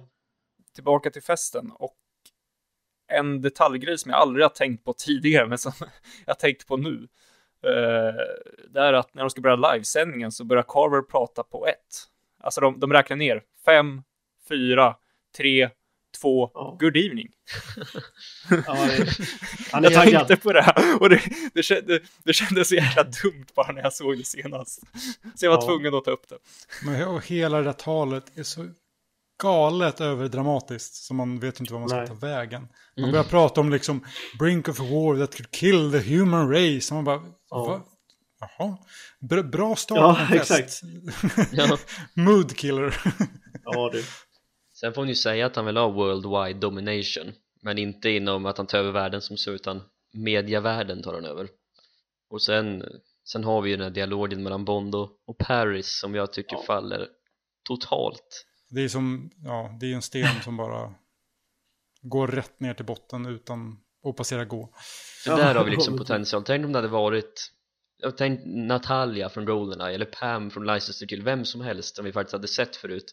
Nu kommer hon här och vi, vi ska alltså bry oss för att vi ska bry oss. Eh, nej, det är, nej, nej, det där fun- det, det, är, det är verkligen första tillfället i filmen då jag bara suckar, ja, suckar och skakar på huvudet på att det här, Mm. det här är för dåligt. Jag tycker inte Terry Hatcher är så värst bra heller. Nej, Hon får och det är också det, är line, vad får hon för lines? Liksom. Ja. Men jag kan, man kan kräva mer av en skådis, tycker jag. Det hade varit intressant att se Bellucci faktiskt. Ja. Eh, nu fick vi Mm. ju se henne ändå, men i Spectre, men ändå. Det hade varit häftigt. Ja, det här hade varit en bättre roll för henne, tror jag. En större roll också. Det känns som hon har rätt mycket tyngd. Ja. På ett sätt som inte Hatcher har. Oh ja. Repliken Bond, det första Bond säger till Paris säger I always wonder how it felt if I ever saw you again. Det är någonting Bond inte ska säga. Nej. Ja, han ser så... Han, han ser lite ledsen ut också. Ja, exakt. Alltså, var, varför ska han se det? Han, Ja. Det var ju han som lämnade henne. Han skiter ju i henne. Han bryr sig ju inte. Ja, Och Bond ska aldrig tänka tillbaka heller på det viset. Så, så, så tydligt som det är Nej. här. Och replikerna är alldeles för övertydliga. men det är ju liksom, vi ska ju på något sätt f- få känslan då av att Bond inte ville lämna henne, men att han gjorde det för att han... Hans jobb kallade liksom. Ja, exakt. Och det... Varför skulle han bry sig om henne av alla människor? Hon är ju irriterande. Ja, exakt. Funkar liksom. Men han har väl alltid sagt jobbet först liksom. För nästan alltid i alla fall ska jag säga. Ja, men ja, och sen händer den här rep- replikskiftet och sen försvinner Paris lite och sen kommer den här jättemärkliga meningsutbytet mellan Bond och Elliot Carver de pratar om att Bond ska skriva en bok åt han och Lost at Sea Adrift ja, världens sämsta hemliga agent Ja. Han sitter och bara, jag vet något som du inte vet. Det är så roligt. Den, för, den första han säger or even a ship, den är, den är Ja. så konstig. Det är så här, vad är, vad, är det, vad är det som händer? Men den andra tycker jag faktiskt ändå Brosnan eh, levererar Ja. ganska bra. I will lost at sea, lite så här i förbifarten. Eh, men det är ju, det är ju typiskt, eh, det är ju exakt samma sak som Connery gör i Thunderball med I thought I saw a spectre over your shoulder, eller vad säger han? Eh, det är väl lite det de lutar åt. Där, är det- där funkar det ju hundra gånger Ja, ja, bättre. Här är det ju verkligen, Absolut. här är det in your face på ett sätt som inte känns naturligt. Nej, verkligen. Men det är ju det, det, är ju det Mm. de vill försöka få det till. Han hade precis varit ute i Ja. tältet hos Bruce och snackat manus. Så han kom tillbaka nu och sa repliken bara. Ja, Sen är det synd, för det här är ju liksom, ska vara en, en storslagen fest. Och det, ja, då vill man ha lite den här klassiska Bond-elegansen, men den är ju puts Ja. Jag köper det ändå, för att jag tänker att, ja men vadå, ska det vara en, en fest på ett, eh, på liksom ett stort mediakontor? Jävla elegant kan det bli Mm. liksom. det ska vara högteknologiskt och det ska vara lite sterilt liksom. Ja, därför köper jag det. det. Det är ju liksom, Mm. det är ju mångt och mycket en arbetsplats och då blir det ju inte så jävla elegant. Ja, jag, jag, jag köper argumentet, men jag gillar det inte. Nej. Jag tycker musiken gör, gör faktiskt sig väldigt bra här. För Hamburg, som David Arnold sa, där kommer vi liksom lite högteknologiskt, där är det lite elektronisk musik. mm. Det, det passar på något sätt. Jag hade inte köpt att det var så klassisk, nu kommer det i och för sig lite klassisk musik när han träffar Paris, men överlag är det ju den här teknisk, technobitet liksom, om man säger så. Det, det köper jag. Just av den anledningen som du sa Emil. Sen är det också så skönt att vi faktiskt får tid, vi får tid att vara på festen, vi får tid att vara på Bonds hotellrum Alltså, den Mm. tar tid att vara i Hamburg, vi får se Bond liksom ta reda på vad som händer och varför det händer liksom, Den har som inte bråttom, fast den har, alltså Ja, filmen är ju snabb och välklippt där, men den tar ändå tiden att utforska allting den ska utforska Det är ändå, hur lång tid är vi på festen? 10 minuter? Ungefär, mer eller mindre Det är ändå rätt lång tid Jag gillar Hamburg överlag faktiskt som, Mm. som location. Det har alltid varit en av mina, det känns ju inte så ex, exotiskt liksom. Man, Bond har varit i Karibien, i Thailand och så Hamburg liksom. Men det känns, de, de utnyttjar det på ett väldigt bra sätt. Det känns väldigt bondskt på något, på något sätt. Eh, jag vill snacka lite om fighten också. Ja, eh, som är på festen. Jag tycker det är roligt när, Bond tar upp. Ja, det är till och med, det är till och med en kontrabas är det. Ja, det... En kontrabas Ja. är det till och med. Jag har aldrig tänkt på det förut. Man bara tar upp och bara kluppar. Åh herregud alltså. Ja, Han det... står vakten ner i flygeln där och dunkar Ja. Askkoppen, Ja, precis askfatet, ja. ja. Det är härligt Ja, alltså. Han är hård där alltså Ja, han får stryk. De sa ju det alltså, i Goldeneye där skulle Pierce Brosnans Bond vara Han skulle vara lite mer karate, lite mer åt det hållet Han skulle vara fin, finaktig i sitt sätt att slåss Här skulle han liksom bara slåss som en skurk En brawler. Han liksom. skulle bara, ja precis Ja. Så härliga ljudeffekter, riktiga smockorr han le- levererar i det Ja. kontrollrummet Det finns en ljudeffekt som är väldigt, eh, jag vet inte, väldigt ljudeffektskt. Effektsk om man ska säga så. När, han spark, när va- vakten sparkar honom på ryggen. Precis Ja. efter han har sagt And he wants to know why. Och så kommer en riktig smack ljudeffekt. Som Mm. eh, kanske Anton kommer ta upp i, eh, längre fram i podden. Avsnitten. Men eh, ja, den, den är väldigt tydlig. Annars är det en väldigt bra fight tycker jag faktiskt. Ja, det är kul att vi inte får se fi- alltså, att fighten ligger i bakgrunden och att, sen, att han bara kraschar in där sen ja. En kontrabas.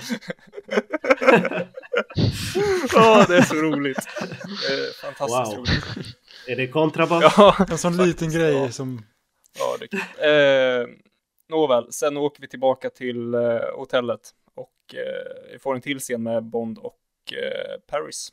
Ja, här har vi den scenen som absolut mest eh, symboliserar det jag pratade om att det är den mest smöriga Bond-filmen. För det är så otroligt pompöst och grandiost och storslaget och ja, rent ut sagt äckligt eh, sentimentalt bara. Jag tycker det är, jag känner ingenting för den här karaktären Paris Carver. Jag bryr mig inte om henne. I den här stunden känner jag ingenting för Bond heller. Va? Nej, exakt. Varför sitter han och grubblar? Vad grubblar han över? Jag fattar Jag vet inte, ljussättningen är som i någon jävla Merci-reklam. Och det är så här, jag vet inte, nej, det här är inte, det här är inte bra. Varför shottar han? Vad? Han sitter med små shotglas och shottar Ja. Smirnoff. Och medan han går i rummet så tar han en shot till och det är så här, jag vet inte, det, det, och så musiken kommer igång som att det är slutscenen på Titanic liksom. Ge han ett glas och... En smäll. Inte Paris. Nej men alltså det är, ja, nej, det, är- det är alldeles för storslaget för vad vi känner för karaktärerna. För mig är det så i alla fall. Ja, absolut. Annars gillar jag ju det som är innan, innan Paris kommer. Som vi var inne på Mm. lite tidigare, att Bond bara sitter ensam med en vodkaflaska och Mm. reflekterar Men vad lite. grubblar han på? Jag fattar inte. Eh, Kvällens bravader. Det är, men det är just det här, det är, det är mer där för att, Smirnoff ska få, ja men snarare, snarare liksom att man ska pumpa upp Brosnan som någon sorts, åh någon eh, troubled liksom action hero som, åh han har lite jobbigt. Och man bara, ja men varför? Man fattar, det finns ingenting i filmen som, som skulle vara något jobbigt. Ja visst, han har träffat Paris igen, ja, boohoo liksom. men man känner ju ingenting för henne heller så att, Nej. Det viktiga i den här scenen är nog att vi ser han ta, sätta på ljuddämparen på pistolen Han sitter ju och väntar på att det kommer någon Och jag tror att, ja alltså det är väl inte just att han träffar Paris Utan det är ju snarare att hela situationen med att det håller på att bli krig och allt det och Bond är liksom den de litar på och ska fixa det Det är väl lite taget ur kontext kanske men det känns ändå som att Bond sitter där och dricker för att han är Han är ute på ett farligt pressure, uppdrag, liksom. ja men precis Och sen Mm. råkar det vara Paris som kommer och då blir det bara Ja, jag vet inte, ja, ännu mer dramatiskt, ännu mer han är väl mer förberedd på att det ska komma någon och det blir lite action, action liksom. Ja men precis, han har ju ändå pistolen inom räckhåll Ja. Ja, och då har han precis suttit och shottat en halv flaska Smirnoff. Ja, det är också konstigt. Jag fattar inte. Det är så här, vad fan? Nej, det här gillar jag inte. Det här gillar jag faktiskt inte. Jag har ald- aldrig gillat det här. Jag blir så... Jag, blir, det blir, jag får någon äcklig obehagskänsla över mig när musiken verkligen drar igång. Det är så oerhört sentimentalt och storslaget. Nej, jag. Jag, jag gillar när Bond sitter och dricker vodka på sitt hotellrum. Ja, det, det gillar jag mer än det som det kommer mysigt. efter.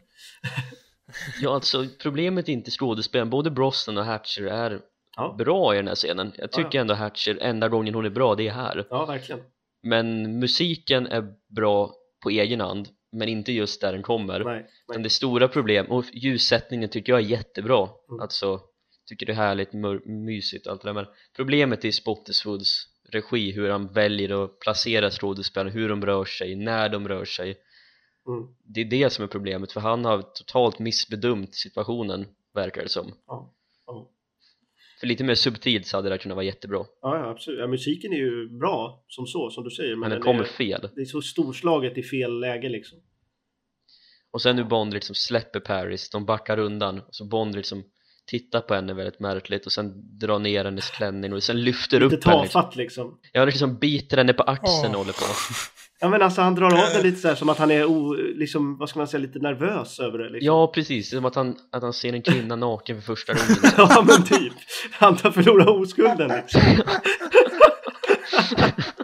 ja, men det, jag fick lite den lite så. känslan Emanuel också faktiskt när Ja, jag såg det faktiskt. här. Liten pojke som har liksom... Ja, jag hade hellre tagit något Vesper-liknande tema här. Att det hade varit Ja, lite mer sånt. lite lågmält, lite tragiskt Mm. Men nu är det som, om det är någon som hade kunnat spela en skolpojke som Bond så är det ju Brosnan Ja. Det kanske var så de tolkade det här med att Bond förlorade oskulden in Paris. Det kanske var så de tolkade det. Oh. Oh, det var långsökt. Åh, shit alltså.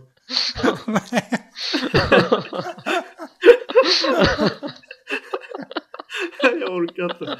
Jag kommer aldrig kunna se på den här scenen på samma sätt igen. Alltså. Åh, nu är det Oj, oj, varmt oj. här inne. Den här scenen är för alltid förstörd för mig. Ja, nu är det förstört Det går inte att förstöra Det den så mycket mer. Nej, exakt. Åh, Nej, vi går vidare tycker jag. Ja, det här var inte vidare. kul. Eh, Bond eh, bryter sig in hos Carver genom taket. Jag tycker det här är hur coolt som helst. Ja, men det är härligt. Det är lite sneaky Mm. Bond. Det är trevligt. Ja, äntligen Ja, lite smygbond. Jag gillar det. Jag tycker det är riktigt bra. Jag tar sig in, eh, letar igenom arkiv och det, ja, det, är, det är snyggt. Alltså just precis innan Bond smyger sig in i när han har den här sista scenen med Paris den tycker jag funkar väldigt, väldigt mycket bättre än den scenen de träffas för här är det liksom, här är det bra spelat från båda här känner jag med Bond ändå hon liksom ger sig tillbaka till, Pa- till Elliot och han liksom säger ja men jag kan rädda dig allt där och så sitter han kvar där ensam, det, jag tycker där funkar det jättebra Mm, det är Bond. Det är Bond. mm. Men jag gillar den här smygscenen som vi pratade om innan. Jag tycker den är... Uff. Där är Brosnan också väldigt snyggt klädd. Det är lite businessman men det är, ja som du sa Emanuel, det är väldigt så här, kostymerna är inte så tajta. Han kan sväng, han har lite svängrum i dem. Jag gillar det. Mm. Det är lite för mycket business över den där alltså, kostymen. Mm. Mm. Det är fortfarande snyggare än Hamburg-rocken. Ja, ja, ja, ja, herregud. Nej, men det, Men det, eh, smygscenen här är så, ja, mycket snygg. Här blandar ju Arnold också väldigt bra elektronik och orkester. Och det är så bra ljussatt just när vi ser Bond gå in på Guptas kontor där och leta och Mm. han sätter sig ner och tänker och liksom öppnar den här tavlan och allt. Det är otroligt fint fotograferat. Musiken ackompanjerar underbart sen gillar jag hur Gupta säger det om satelliten, den kostar 300 miljoner dollar så att om den går sönder får ni betala för den och så Ja, Bond bara puttar ner den. Ja, det så den går sönder. Ja, jag gillar det. Ja, det är kul alltså. Det här var ju som det första, första Bond-scenen jag riktigt minns. Just scenen här på tryckeriet. Ja, och det är, åh, jag njuter. Jag har, så det är så många gånger jag har försökt vara på stan liksom och i skolan och överallt har jag försökt efterlikna Brosnan i Tomorrow Never Dies. mm. Man har liksom gått runt och tänkt fan vad cool det är och så är man jättetöntig. Men eh, ja, just den här scenen. Just scenen när han går, när actionscenen är klar, när han Ja, går ut ja, ja. Han har handen i ena fickan, han Ja. vänder sig om Ja. och han liksom blir beskjuten Just den scenen han vänder sig om och Ja. går coolt Uff, Alltså så mycket. hela tiden tänker jag, nej inte hela tiden det överdriver men jag tänker på den jätteofta Samma här. ja, det är ju väldigt, väldigt Brosnan över hela den grejen. Ja, Det känns, så, det känns så effortless på något sätt som bara Ja. Brosnan kan få till det. Möjligtvis Connery också då. Ja men precis, blir beskjuten och så kommer Bond-temat Då Ja. njuter jag, då Ja. njuter jag som aldrig förr Jag med. Man märker det nu när vi bara pratar om det så blir man ju helt uppe, uppe av det. Ja, shit. Oj, oj, oj. Fighten på tryckeriet när, de, när han ramlar ner och kommer ut en massa blod. Det är en Mm. sån scen som jag kanske borde ha sagt under mitt första minne, för det, det är en sån scen som alltid har funnits med där. Eh, det är väldigt mycket nostalgi när jag ser på den scenen. Mm. mm. Emil drömmer tillbaka när han får se blod på papper. Ja, faktiskt. Nej, men, Rickard, medans Rickard satt och kollade barnprogram. Ja, typ. Längtade för att se Turtles igen. ja, exakt. den är ju hemsk, men den är inte så här, Men den är inte grafisk. nej, exakt, den är inte grafisk på det här sättet. Nej, nej, det är sant. En sak som jag alltid har reagerat på är ju Brosnans blick på Wei Lin när hon går, eh, vad heter det, vertikalt ner på den där, på Lvajen. den där eh, vajern på, Ja. på väggen. Han ser ut som att han, jag vet fan vilken min han gör. Den är väl rolig fall. Ja, den är rolig men det är konstigt bara. Jag tycker det är jättekonstigt. Ja, jag tycker också men- det. Just scenen när de slåss där med de här två säkerhetsvakterna ovanför själva pressarna där Det är nog den enda sekvensen i filmen som jag tycker är dåligt klippt För där det är svårt att förstå vad som händer och de klipper bort alla slag liksom Vi Ja. ser bara utanför bilder utan vi ser lite utanför, ovanför, vi får aldrig se slagen liksom Det är lite konstiga vinklar också kan jag tycka. Ja precis, så får vi inte riktigt se vart de är i förhållande till själva bryggan de står på Ja, jag tycker faktiskt den fighten är direkt dålig. mm. Men det blir en skön payoff på den. Så. Ja, det är en sån där eh, fight som man faktiskt har glömt bort med eh, rätta. Om man säger Ja. så. Jag vet inte, han, som, han i röd kostym som sen åker ner i pressen jag, När jag var liten tyckte jag han liknande Morgan Alling Av någon anledning Alltså, Vilka jävla konstiga liknelser. Oj, oj, oj. man ser liksom Ja, det- Aftonbladet löper Morgan Alling död i tidningspress. Exakt, på pappret som han dog på liksom. Nej ja, men... precis, eh, de, de trycker upp löpsedeln på, På- på, med på på-. Exakt. Åh herregud alltså. Oj, oj, oj. They Ja. print anything these days ja, den repliken tycker jag faktiskt är ganska rolig. Ja, Makaber. Nya Expressens kampanj, istället för en Bond-film så får man en bit av Morgan Alling. Sportbilagan, sportbilagan blir röd istället för rosa liksom. Ja, shit alltså. Men sen kommer ju den där scenen som vi får gåshud av Emanuel. mm. När han vandrar Ja. runt på nere på Uff, det är så snyggt. Varenda gång jag ser filmen så ser jag om den biten två, tre gånger Jag spolar alltid tillbaka och kollar om det Det är så svängigt Bond-tema och det är så... Åh, jag älskar när han, jag älskar när han, när han rullar ut under eh, garageporten. Det ser ut att Mm. göra så jävla ont. För det är ju sten han ramlar på liksom. Ja, Jag tycker det är så snyggt. Det är ett snyggt stunt, ett bortglömt stunt. Jag gillar det. ja men alltså just, just när han går där och går förbi de här balarna Ja, Det står, går med två män som liksom pushar på den här banan Han bara går förbi där Mm. Det är inget särskilt med det Men Nej, jag nej. har Han- alltid fastnat för den omsvängen liksom och just för att han är businessklädd så smälter han in på ett sätt som är så jävla snyggt. Ja! och så blir beskjuten och så bara Och så bara springer han iväg Hoppar på den där lilla pallen och flyger Det iväg bästa i den här scenen det är när det helt från ingenstans kommer en jävla gaffeltruck och bara ska attackera honom. Det är precis som pansarvagnen i The Living Daylights. Det bara Ja, kommer från precis. ingenstans. Jag, jag, jag, jag går igång på det. Och så bara springer Bond, rullar ut och sen är det inget mer med Ja, det exakt, exakt. Och så spolar jag tillbaka och ser om det två gånger till Ja, det är så bra. Det här är 10 av 10 imorgon. Ja, det här är 11 av 10 Ja, det är så jävla Det bra. finns, det finns inget bättre än att höra två fans bara totalt gå igång på någonting. Ja, Det är en så banal scen, det är som inget Det är liksom Bond och Effortless. Det Ja, ja. blir bra- alltid bra, för det, Ja, det är så ja. han ska vara. Liksom. Ja, alltså vi måste hylla lite här för det kommer ju sen scener som vi inte ska hylla så att vi måste bracea oss för det, för det som kommer. Jag, får, jag får ju känslan av att ni har större nostalgivärde till den här filmen än vad jag har. Helt klart. Helt klart. Definitivt Ja, Det är nog en korrekt analys. ja, det, ja men vi var ju, vi är ju barn av vår tid eller vad man ska säga men det, det är ju lite så. Att vi växte upp med Brosnan liksom. Jo, men det gjorde jag också, fast det är ju konstigt. Jag är ju äldre än er, fast jag, jag missade ju den här filmen av någon anledning. Ja. Liksom. Ja, men vi växte ju verkligen upp med det första vi såg, var- då var Brosnan Bond liksom. Det första man ser är Brosnan i Hamburg. Liksom bland det första man ser. Då, då är det klart man blir, man fastnar där. Ja, ja precis, när jag blev Bond-fan då var ju Brosnan Bond, det var ingen tvekan om det Alla tyckte ju Brosnan var bäst Ja, Så Det var ju den här filmen, liksom när hans film gick på tv då stannade alla upp och kollade på det ja. Bondfilmerna Stenmark. Det är ganska konstigt liksom, man tyckte att men Karibien kan dra åt helvete, det är Hamburg som gäller. Ja, men typ Ja. alltså. Det känns så otroligt mycket en film av sin tid också. 90-talet, mycket teknik, det är Hamburg, det är... Jag vet inte. Det hade känts väldigt Mm. malplacerat med Karibien 97, jag vet inte. Den här är väldigt mycket 1997 alltså Exakt. Mm. Satelliter och ja, mycket sånt. Ja, nu får vi sluta hylla, vi måste gå vidare. Ja, vi ska träffa doktorn. Kaufman. Mm. Ja, han är skön alltså. Ja, jag, ty jag tycker han är så sagolikt rolig. Alltså. Ja, jag älskar allt, honom. allt han säger. Ja, jag skrattar allt åt allt han säger. Alltså. alltså så, ja, han är så jävla rolig. Han är så, ja, filmens bästa karaktär. Han är jättehärlig. Rickard och Emil tar vid där vi hyllade, så hyllar ni nu istället. Men det här är en sån karaktär som jag alltid har gillat. Alltid. Verkligen. Ja, jag också alltid. Han är helt underbar. I could shoot you from Stuttgart. Still creates proper effect. Exakt. Och är det liksom, eh, ja, Stampa, stop screaming in my ear, ja. I feel like an idiot, I don't know what to say. Oj, oj. Är det filmens, är det filmens bästa 10 minuters period? Ja, Ja, Med eh, tryckeriet och sen det här. Jag tänker typ att det här är Irma Bunts kusiner. alltså, ja. Ja, jo, det är lite alltså. kul. Jag lyssnar på kommentarspåret även med Michael G. Wilson och Vic Armstrong till den här filmen. Bara lite kort, vissa sekvenser. Och så är det tyst en stund när det händer, händer och så kommer Brosnan in på det här rummet då. Och så kommer Dr. Kaufman och så enda Michael Wilson säger det He's a bit weird looking, isn't he? Så bara, Vic Armstrong bara, hmm. Och sen inget mer med det. Ja, okej.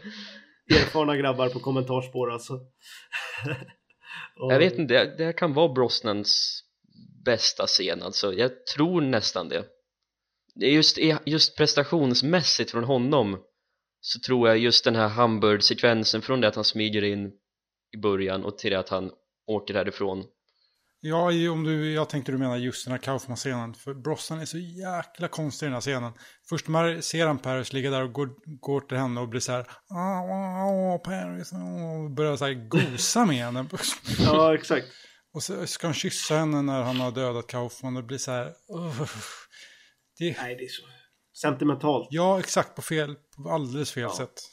Det är det jag menar med den här filmen. Jag tycker den är väldigt smörig. Jag tyckte jag kommer på extra mycket nu när jag såg den. Just det där tycker jag funkar just med henne Men sen gör han ju om det sen även i The World Is Not Enough och lite i Die Another Day Då blir det som, då är det konstigt Det är hans grej. Men här är det som ändå, ja okej, visst De hade någonting tillsammans så ja, och det var liksom Bond, han anledningen till varför hon dog Så ja, okej Ja, jag landar nog mer i Emanuels läger tror jag. Hela, Yes. inte bara just den här scenen, men hela Hamburg så är han väldigt, väldigt bra. mm.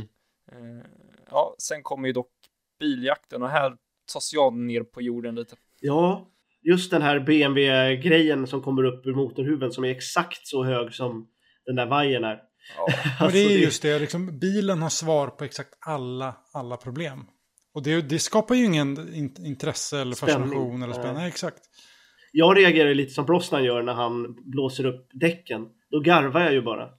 För att det är liksom, det är så här, ja, I told you liksom. Det är lite, det är lite den, den vibben jag får. Brosnan behöver inte bry sig så mycket egentligen. Nej, men det är ju det, han behöver ju inte göra någonting egentligen. Förutom att styra Nej. bilen. Han behöver liksom inte... Knappt det liksom. Nej, och det, exakt. om bilen så exploderar och trycker han på en knapp på telefon så ramlar det ner en till bredvid. Ja. Ja, exakt. Och det är ju den känslan liksom. Jaha, Ja. Jag läste det i James Bond Archives att Brosnan var väldigt skeptisk till den här scenen på förhand Ja. att Han tänkte, ja, var kommer karaktären in? Det är bara bilen som åker runt och gör grejer, Ja. jag gör ju ingenting Nej. Då, då sa Spottiswoode till honom, men lägg dig i baksätet av en bil så kör vi runt dig på en bana och då gjorde de det och så klev de ut och sa Brosnan att ja okej det var rätt roligt ändå att ligga i baksätet av en bil så då var han med på idén Det känns lite som att Brosnan sitter, alltså det, det, det skådespelet han ger ifrån sig, det tycker jag signalerar att han själv sitter i baksätet och spelar tv-spelet medan de andra filmar honom. Jag får lite den vibben av det. Han sitter och garvar och är inte helt odödlig liksom. ja, men han skulle liksom kunna sitta där och kolla på en Netflix-serie. Han Ja, är, exakt. Han är extremt passiv. Ja, han sitter och spelar Goldeneye liksom. Det är ju någon som har gjort en video på det där. När, och varje gång de klipper till telefonskärmen så är det Mario Kart. Ja, exakt. Ja, men det är ju det. Det är ju det. Jag, tycker det är, jag tror det är en GIF till och med. Det är Ja, ju fantastiskt det. roligt Ja. alltså. Jag tror jag skickar den till er. Ja, Ja, men det tack. är, det är fantastiskt bra alltså. Ja, alltså, men det är ändå det att det är en bil som körs via en telefon, det är innovativt i alla Ja, fall, det är en jättebra idé och då glömmer man bort det att Bond inte gör så jättemycket så är en välgjord actionsekvens i alla fall, det är ändå en scen som folk kommer ihåg så här Mm. 18 år senare, eller 20 år senare Ja, tyvärr. Jag tycker det är ju en väl, väl alltså det är, det är ju touchscreen innan touchscreen kom liksom. Så att det är ju, Mm. det är ju stabilt tycker jag. Men jag håller med om det. Det, det är innovativt bara att det faller platt. Det är liksom... Ja, Mm. Mm. och så kommer det efter det att Paris har dött och Bond är liksom uppriven, så ligger han i baksätet och skrattar Ja, men det är mycket tvära kast här tycker jag. Ja, Och sen avslutas med att Bond helt i onödan ska riskera en massa civila personers liv. Det är liksom, nej, det Mm. gillar jag inte heller. Nej. Nej, konstigt.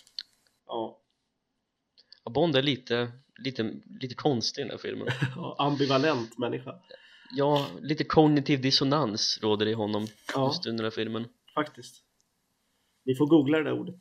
Ja. Åh, herregud. Har vi något mer på biljakten? Nej. Nej. Nej. Då uh, åker vi och träffar eh, Wade och hoppar fallskärm. Eh, jag, jag, jag, ja, ja, men jag gillar ju att se Wade igen. Han är ju skön alltså. Ja, I jävla fiskahatt och hawaiiskjorta. Liksom. ja. Det är så konstigt när, när Wade slår Bond på hjälmen och så säger han Buddha bless Jag har aldrig märkt det förut Va? Vad är det för, Ja. va? Vad är det för line?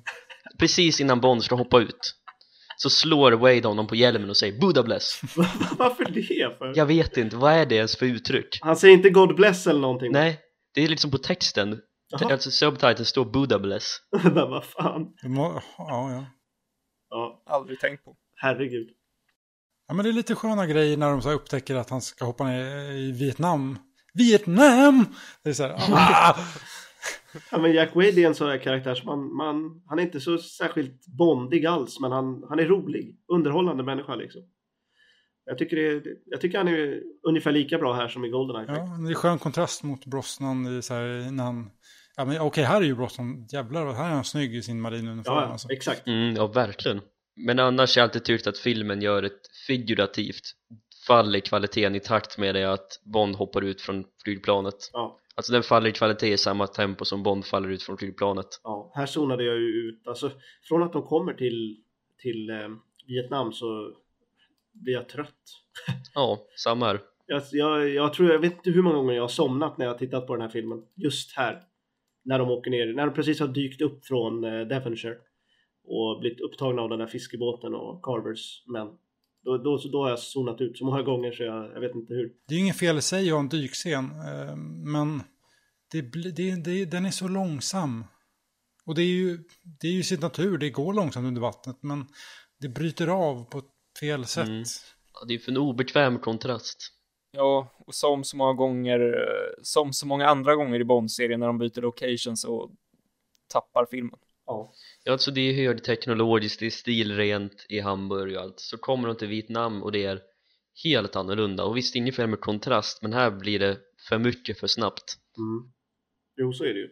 Jag tycker det här hoppet är väldigt, väldigt markant i kvalitet som du säger Emanuel. Det är, det, det är en väldigt bra inledande första tredjedel och första halva till och med. Sen blir det så ofantligt mycket sämre i slutet, vilket, jag, vilket stör mig.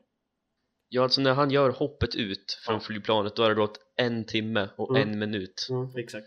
Då är det 52 minuter kvar av filmen Jag är precis halva ungefär. Mm. Ja, jag gillar ju scenen med Wade, jag tycker själva hoppet i sig är jäkligt snyggt. Men sen när han landar i vattnet, det är någonstans, där är den tidpunkten jag börjar zona ut. Ja. Mm. Mm. Definitivt Och nu kommer ett kärt återseende.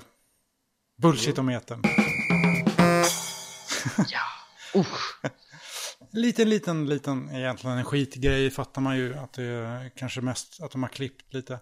Men eh, när de ska, ja när de är under vattnet där, Wylin och Bond, så är, blir det ju lite panik för att hennes eh, syrgas funkar inte. Och när man har varit och dykt på det djupet så får man inte stiga så snabbt till ytan för då kommer man få dykarsjukan. Mm. Och det är jättefarligt. Så att eh, Bond och Wylin kan egentligen vara döda vid det här laget. Och i värsta fall så kan till och med lungorna explodera. Mm. Ja. De kör en Milton Crest. Så det Ja. hade varit dumt om det hade blivit så. Men vilken tur de hade då. hade jag faktiskt ingen aning om Nej, Bra, då vet du det nu. då hade filmen varit bättre. Nej Kan men... du Eh, ja, exakt. Det är en av de första grejerna man får lära sig när man tar dykarsätt.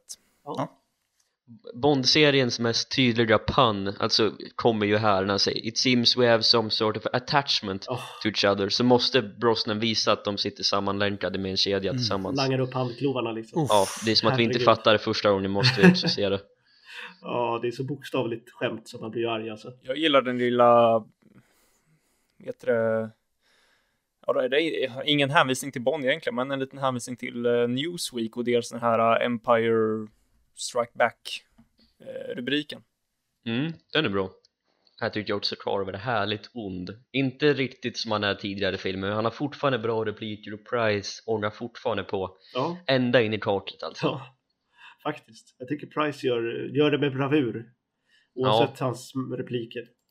Så att, ja, jag gillar det. Och Brosnan har ett par bra comebacks också Ja. just det. Interesting role mode Exakt, det är den man reagerar på. And I thought watching your TV shows was torture enough ja, exakt. Det finns ju en till karaktär som vi inte har pratat om än, som vi kan passa på att prata om nu, nämligen Stamper. Stampa! Ja, han är där och man måste dras med honom. Det är väl lite så. Jag hade hellre köpt att typ Arnold Schwarzenegger var han så de hade gått full out German baddie liksom. Men eh, ja, det här är inte bra. Hans replik, he was like a father to me. Ja, den faller så platt. Var kom den ifrån? Finns det någon replik i hela serien som har fallit så platt som den? Stamper berättar om sin faders figur. Det finns liksom inget, nej jag, jag, kan inte, jag kan inte hitta ord på det. Det är så fruktansvärt dåligt. Det är så platt, det är definitionen av Ja. platt. Det är så här, jag, jag bryr mig inte, Stampers faders figur liksom. Jutsuto sa ju det att när han fick rollen då beskrev han sig själv som till Barbara Broccoli att Ja. I'm big, I'm blond, I'm German Ja, Det var exakt. tydligen det han behövde säga för att få rollen och ja, Jutsuto, herregud vilket namn Ja, vilket namn. Det är ett namn man skojar bort. Vi kan vara eniga om att han, eh, att han är en av de sämre henchmännen i hela serien i alla fall. Ja, en av de sämre i en smickrande beskrivning. Jag kan ju tillägga att det ändå är så som han blev i filmen är betydligt bättre än så som han var tänkt från början. Eller så som han i alla fall porträtteras i, i boken. För där är någon sorts, där är han nästan lite så här, verkar nästan lite mentalt handikappad. Som ett litet barn som lyder Carver i allt han gör och älskar smärta. Han, han njuter av smärta. Det är lite nästan som Renard, att han, det gör inte ont utan han bara mår gott. Ja just det Det så här, och det är alltid, åh, han är så konstig karaktär så att på ett sätt så, fan, det är här, visst det här är dåligt, men det är i alla fall inte katastrofalt uselt. Han och Senja hade kunnat bli bra par. Han är inte bra tycker jag. Han är en av de Nej. sämsta tycker jag i hela serien. Ja, överhuvudtaget Ja, Häftigt eh, när de hoppar ut ur, eh, använder den stora planschen, men det blir ju Mm. konstigt tycker jag. Världens längsta skrik. ja men det är ju Ja. så här, det är verkligen... det är så roligt. de faller och skriker, och de faller och skriker, och faller. Det är så här, de klipper mellan två olika vinklar. Konstant, ja, det är så jävla... Ja. Det, det pågår verkligen, känns som att jag förlorat fem minuter av mitt liv under de där skriken. Men det, ja, men det är ju häftigt, men det är bara så konstigt utfört. De, de flyr också väldigt enkelt. ja. Helt plötsligt bara, Mm. nu ska vi bryta oss loss. Och så gör de det. Jaha. Och MC-jakt. Åh, Här har jag tappat intresset Ja. helt och hållet Det finns liksom inget spännande i den här jakten tycker jag. För mig i alla fall. Det är så långt och så tröttsamt. Det händer grejer Ja. hela tiden som egentligen inte är så intressanta. Och det är lite så här tv-spels-action nästan. De kör på den där trä... Ja, vad är det för någonting? Avsatsen som går sönder Ja, okej. när de kör och lite så här. Ja. Mm. Det känns som att de försöker skapa en billig spänning, allt skjutande bara. Det är helikopter som skjuter och det är liksom, i, jag vet inte hur lång den är, men genom hela jakten så är det bara kul grejer som exploderar runt omkring dem hela tiden och det rivs upp saker och det bara massor med skjutande hela Men det känns ju tiden. otroligt mycket som en tv-spelsbana. Att du bara går som på räls liksom. ja, precis. Och man Ja. ser motorcykeln och så Exakt. vet man att när man kommer dit då ska man trycka på en knapp så att man slår sönder den där last, Helikopter. nej, lastbilen så att det ramlar Ja, ut exakt. grejer. Och Ja, det, precis. Ja, det är så tydligt att de liksom byggde allting i Vietnam runt den här scenen Det är här de lägger krutet, men det är inte bra för det är alldeles för långt Det är lite hela grejen med Brosnans filmer tycker jag. Att det är billig, billig spänning som du sa Emil. Via maskingevärseld. Det är lite hans signum i filmerna överlag. Det är liksom inte, det är inte smart, det är inte gjort med finess, det är bara skjutande och lite explosioner och lite... det är märkligt att det, det känns så extremt idéfattigt fast det är väl originellt att de kör en motorcykel tillsammans. Det utnyttjas ju inte det att de Nej. kör tillsammans Det är bara så här, clutch, clutch. Jaha. Vi hade ju precis en, en fordonsbaserad jakt och innan dess hade vi ju med flygplanet i början det är som det tredje fordonet som Bond sitter på Det hade ju som varit kul med lite fysikalitet Jag hade gärna sett en, en, en fotjakt här. Med, med mycket folk och mycket, Det mycket coolt. saker som händer. Det hade varit mer intressant tycker jag. mm. För då hade det kunnat Ja. hända lite grejer faktiskt. Lite alla CR, Casino Royale. Ja, hellre det Ja, Motorcykelhoppet över helikoptern det har jag aldrig fastnat för nej. Och så landar de i en lägenhet. Det, Så hon som sitter där, jag fattar inte. Varför tittar hon på Bond? Nej men om, titta i bakgrunden när hon landar då, hon är ju naken, hon är ju på en man mm. Varför skulle hon le mot Bond? Borde inte hon bli rädd när det landar i en motorcykel? Ja, exakt. Hon bara, mm, vad trevligt. Ja. Jag tänder på motorcyklar. Varför ska vi se på det vietnamesiska paret? Jag vet inte, det är så här, hon har en fetisch för motorcyklar, jag vet inte. Det är så dumt. Men jag gillar repliken i slutet när uh, Waylon säger trapped och så Bond säger never och sen tar de sig därifrån. Jag tycker inte det är så bra. Nej, Alltså. det är inte så bra. heller. Jag gillar Bond-temat som kommer igång där, det är som vi har inte hört det på ett tag, då är det skönt och så bara, Nej, jag gillar inte heller det där. Och sen det här med att hela grejen om att de ska finish this together som liksom drar igång nu. Nej. Nej, det, det är inte bra. Nej. Men nu, damer och herrar, bullshitometer nummer två. Oj, shit! Och det är den här jävla helikoptern som uh, hovrar eh, vertikalt. Vad- Nej, det går inte. Det går inte. Kommer aldrig att gå och hovra på det sättet. Korkat, dumt. Bu- Usch. Nej. Tack för mig. Oj, dubbla bullshitometrar. Du tar igen för uh, uteblivna. Ja, men det, när det blir för tydligt då är det bara Ja. att köra på. Känns som att det var rätt eh, väntat att det skulle komma rätt många i Brosnans film. Så nu kommer i och för sig en av mina favoritrepliker. You were pretty good with that hook. That comes from growing up in a tough neighborhood. You were pretty good on that bike. That comes from not growing up at all. Jag tycker den är, den är riktigt fin faktiskt. Brosnans replik till Waylin när de står och tvättar sig. Nej, jag gillar det inte. Ah, nej, inte jag heller. Ja, jag tycker det funkar. Mm. Tack, Rickard. Mm. Du ställer upp. Ja. Du är en bra vän. Du och jag till döden Otto. Ja, exakt. Ja, men så ska de stå där, Ja, det är smörigt. ja, Bond, barbröstad och Ja, en schamporeklam. Garnier. Ja. Brosnan Ja. står och gör reklam för Garnier. Tvättar sig i en dusch på gatan. Ja. Och sen den där jäkla blåa skjortan som kommer på igen. Ja. När jag satt och kollade på filmen och antecknade körschema-grejer som vi skulle ta upp, så visste inte jag hur jag skulle beskriva den här fighten, så, att jag, så jag skrev bara konstig fight första gången. Mm. Jag visste, då tänkte jag, ja men det är ju den fighten, den ska vi snacka om. Ja. Den konstiga. Men jag har ju inget emot liksom karatefilm, eh, kampsportsfilm. Men det här, det, det, så, det kommer så konstigt och just det här att Wailin, hon, hon skriker så jädra märkligt varje gång hon ska göra någonting. Och det blir... Det är ju häftigt att hon gör sina egna stunt faktiskt. Det tycker jag är coolt. Det ska hon ha lite cred för. Ja, men det är ju det, hon är bra på sånt, absolut. Ja, ja, hon är ju riktigt duktig. Så det, det, jag, jag gillar ju, ja, som alla Bond-fans nog gör, eh, riktiga stunts. Och det är ju faktiskt eh, riktigt imponerande. Ja, vi kan ju avhandla henne, så slipper vi snacka så mycket om fighten. Ja. Och, eh, var tycker vi att hon står i Bondbruds, eh, ja, den kontexten? Ja. För mig har hon aldrig gjort så mycket, som så mycket annat så här, ja, man, man tyckte hon var häf- var häftig när var, man var liten och sen, nej. Jag tyckte nog inte ens det tror jag, när jag var liten. Jag gillar henne på det sättet att hon, hon, hon är, funkar i storyn, hon är, ju- hon är ju logisk i storyn, hon borde ju vara med. Och det är hon. Eh, och ja, men, hon är liksom den kinesiska motparten som ska Ja, ja, undersöka det här, det är ju helt logiskt. Liksom. Mm. Eh, och hon är, hon är ju liksom en självständig kvinna på ett bra sätt. Det är liksom inte inhamrat i filmen på ett onaturligt sätt, utan hon är en självständig agent som råkar stöta på James Bond. Liksom. Men det är någonting på vägen som... Hennes actionscener är inte bra. Och då fallerar det ganska hårt för att hon har i alla fall två stycken på egen hand. Jag tror nog att du sätter fingret på det här problemet jag också har med henne.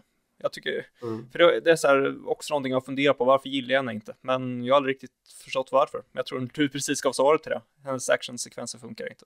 Jag håller helt med. Men, och sen är det att jag tycker inte hon och Brosnan har en särskilt bra personkemi heller.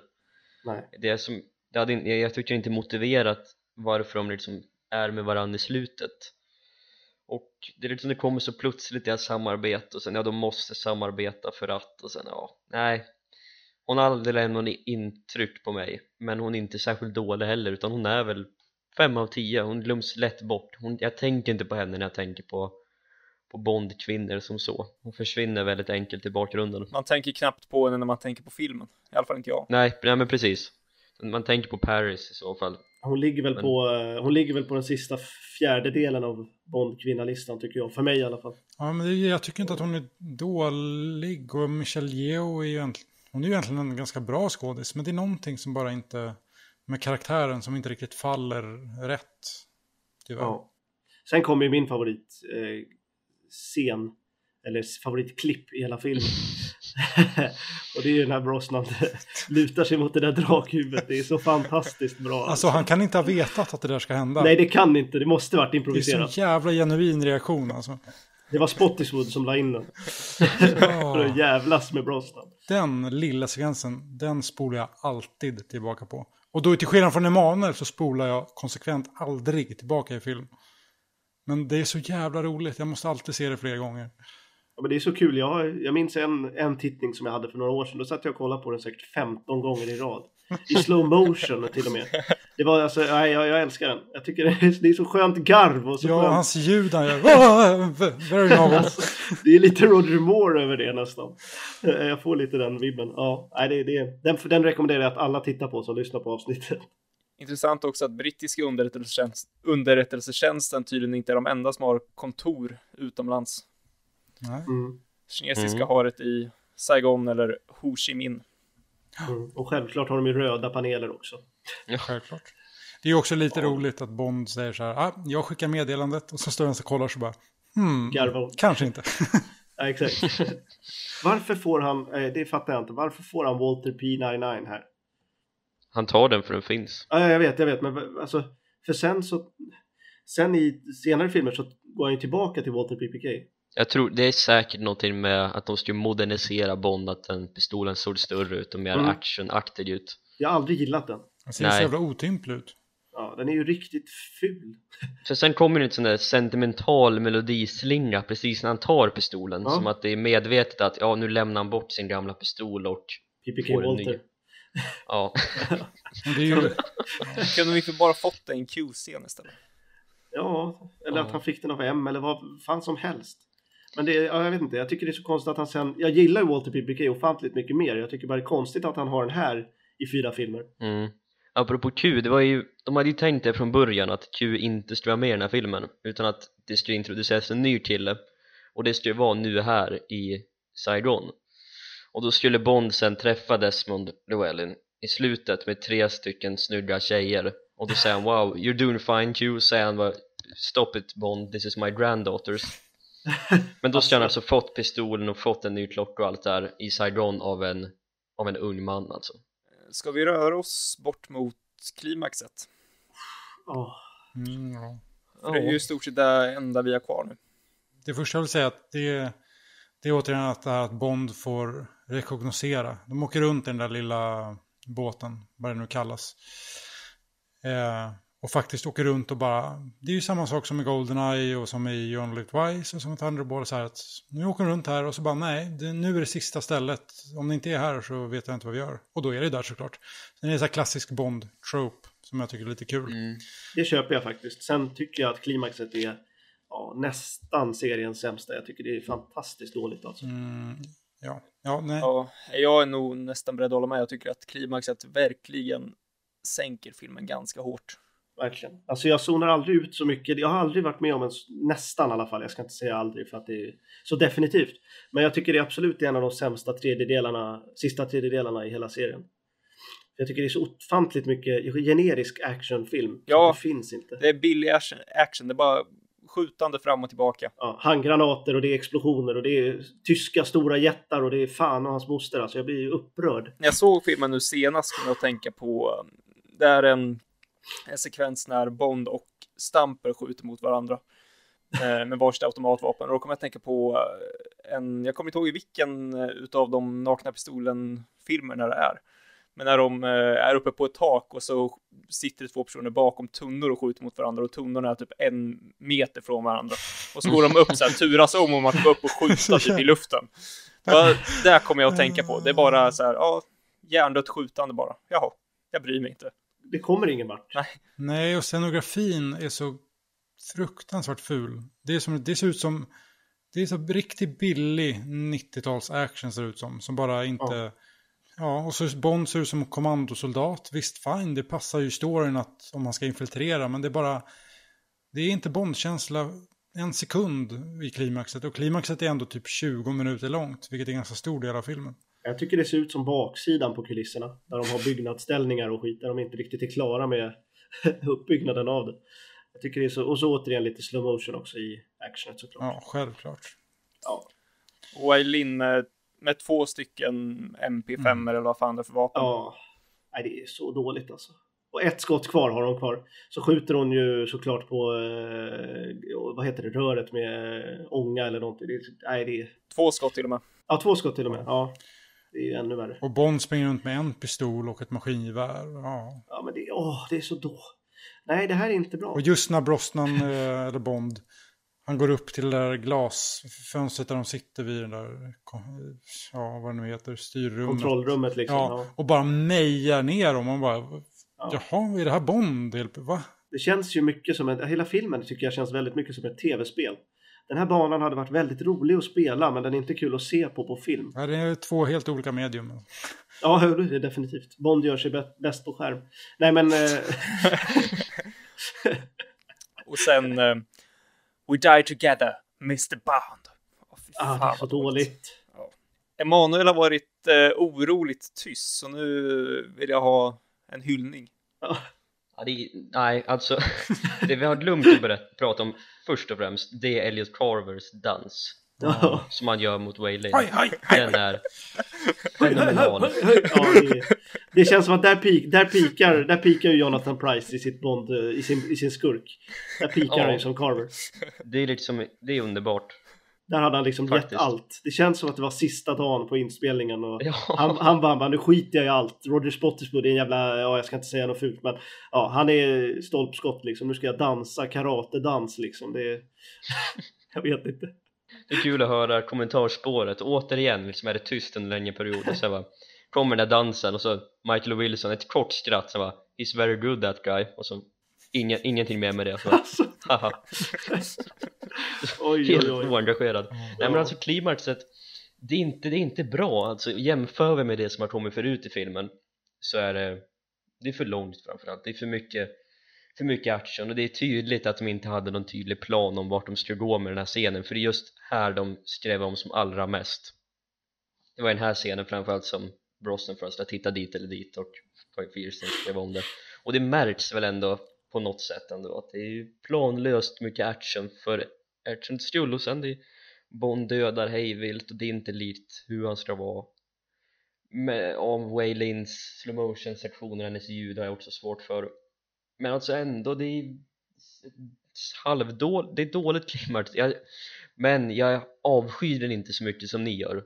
Jag kan titta på det, ingenting registreras särskilt mycket, jag tar upp telefonen, gör något annat men det liksom rullar på där i bakgrunden och Det är ju inte ett bra betyg om man måste göra annat. Nej, det är inte ett bra betyg, det tycker jag inte. Alltså visst, jag avskyr det inte Det finns sämre klimax Definitivt Det är topp, det är botten, botten fem Det kunde vara mycket sämre och det kunde vara ofantligt mycket bättre Men det är liksom, det är, det är där bara Nu när du säger det så märks det att, att, den här, att det var den här scenen som, som de skrev på under tiden väldigt mycket. Mm. För att alltså, hela miljön är så ologiskt filmad. Jag fattar inte vad som händer. Ja. Jag fattar inte vad Bond är. Jag fattar inte vad Wylin Jag fattar inte vad någon är i förhållande till de andra. Nej men precis, och de, är, de går på samma ställen, de är nere i kontrollrum Helt plötsligt ligger Bond under massa bråte Britterna kommer och skjuter på fartyget Det rasar inifrån Ja, ja det är för mycket som händer Jag tänkte dock säga när du nämnde att britterna skjuter, det är en av de få grejerna som jag ändå gillar med det här klimaxet. Och det är för Mm. att det är i stort sett det enda som gör att man känner att Bond är i fara. Det är att hela fartyget blir beskjutet. Mm. För annars tycker inte jag att Bond känns som att han är i fara alls. Men ja, det är väl det enda som gör det och därför tycker jag, ja, men det är väl kul att det är där. Det är kanske ingenting jag hade velat sett annars, men just på grund av allt andra bara är så mediokert så tycker jag att det tillför i alla fall någonting. Mm. Jag har som hyllat fotot rätt mycket hittills Jag anser att det här är 90-talets bästa film rent fotomässigt Eh, Men alltså här är det för mörkt och just det är för ostrukturerat och sen lägg in att det inte finns något tempo i det Det är som de ska utrota Hongkong Verkar det som att de ska göra, eller i alla fall Kina och England och allt det där. Men det, det är inte påtagligt överhuvudtaget Nej. Eh, Så att korta ner det med 10 minuter och gör geografin lite bättre och låt inte Bond döda så mycket så hade det varit mycket bättre Som det nu är det botten 5 Alltså jag känner ingen spänning heller här. Jag, känner, jag säger som jag har sagt tidigare också att i The Spy Who Loved Me är ju den filmen där jag känner att världen är at stake mest av alla Mm. filmerna.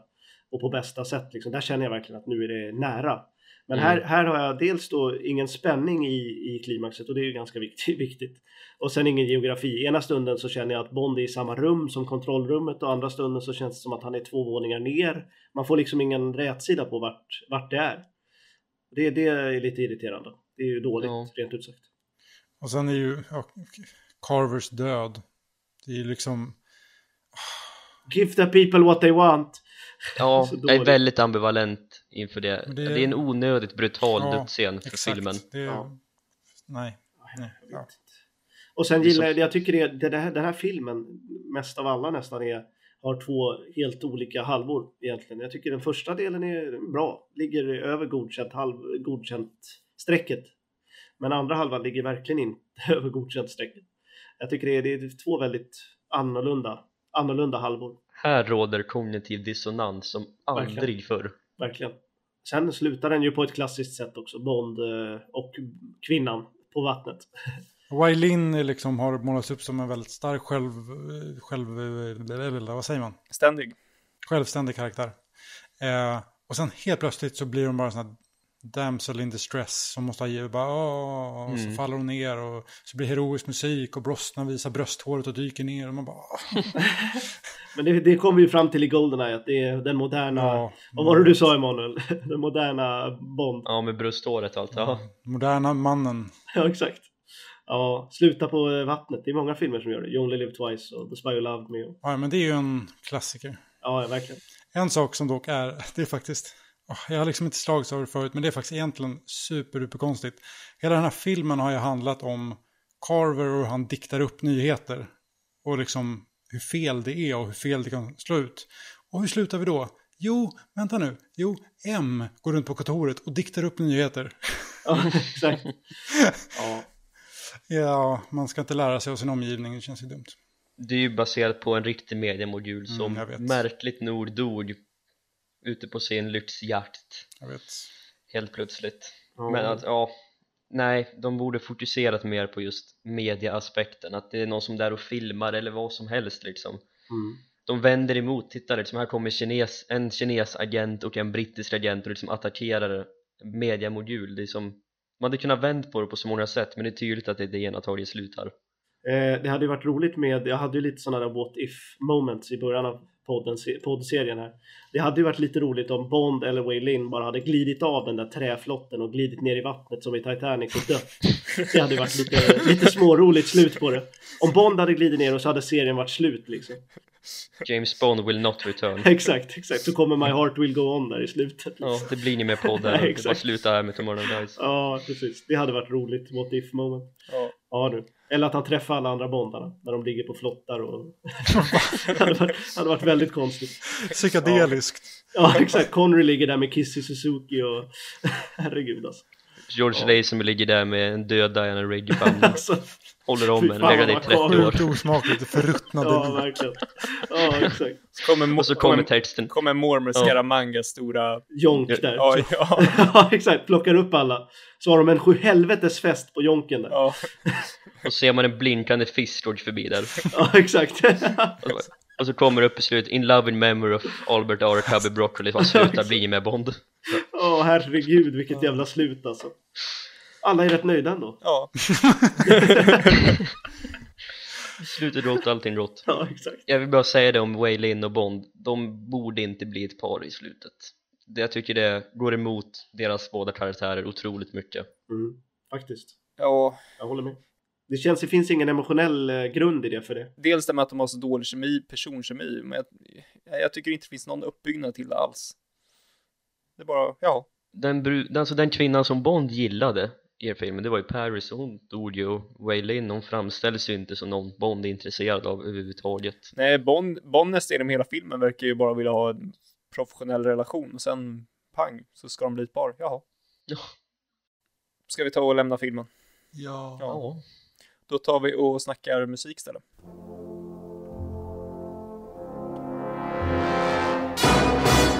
Efter eh, Erik Serras Eh, minst sagt annorlunda soundtrack till Goldeneye så kände producenterna att musiken behövde gå i en annan riktning i Tomorrow Never Dies. Och eh, John Barry ombads därför att göra comeback.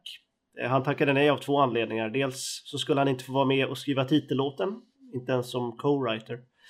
Och dessutom skulle han få avsevärt mycket mindre betalt än andra A-list kompositörer. Ehm, och personen som till slut fick skriva musiken till filmen var en då 35-årig kompositör vid namn David Arnold. Och han hade under mitten av 90-talet eh, slagit igenom stort med filmen Stargate och eh, sedermera med den största filmen under 1996, Independence Day. Eh, och dessutom hade Arnold haft framgång med sitt album Shaken and Stirred eh, på vilket kända artister medverkade och gjorde covers på gamla Bondlåtar eh, Och Arnold hade vid två tillfällen också träffat självaste alltså John Barry själv och eh, ja, var väldigt entusiastisk över Arnolds skiva. Och Barry sa själv till Arnold att han inte borde tacka nej till Tomorrow Never Dies eftersom han enligt Barry var den rättmätiga arvingen och då kan man inte bara tacka nej.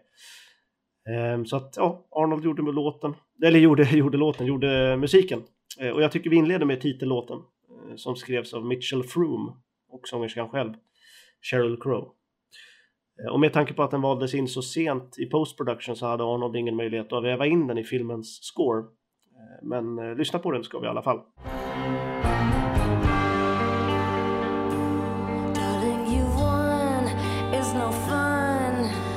Martinis, girls,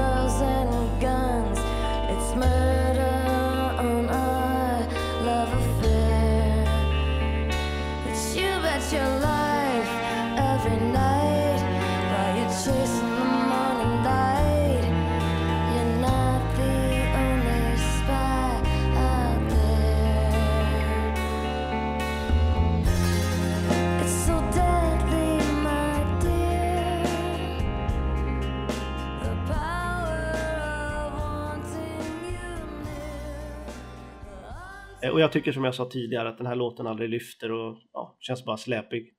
Jag har aldrig varit en favorit hos mig. Den låten som jag tycker borde spelats i titelsekvensen är Surrender som eh, spelas i eh, eftertexterna istället. Eh, skrevs av David Arnold, David McAlmont och Don Black faktiskt.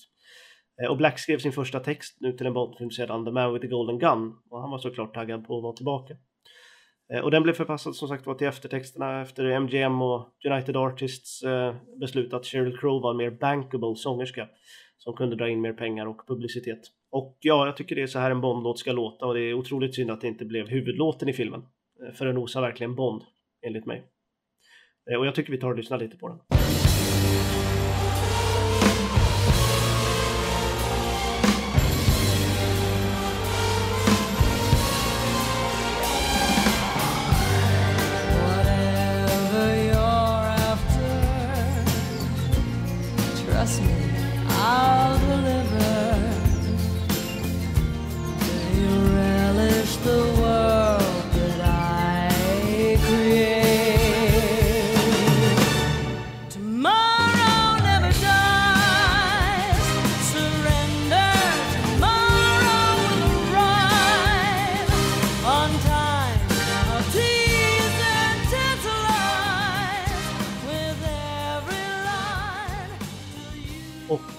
Eh, ja, vad, eftersom det är en ganska stor del i filmen också då, vad, vad tycker ni om Surrender?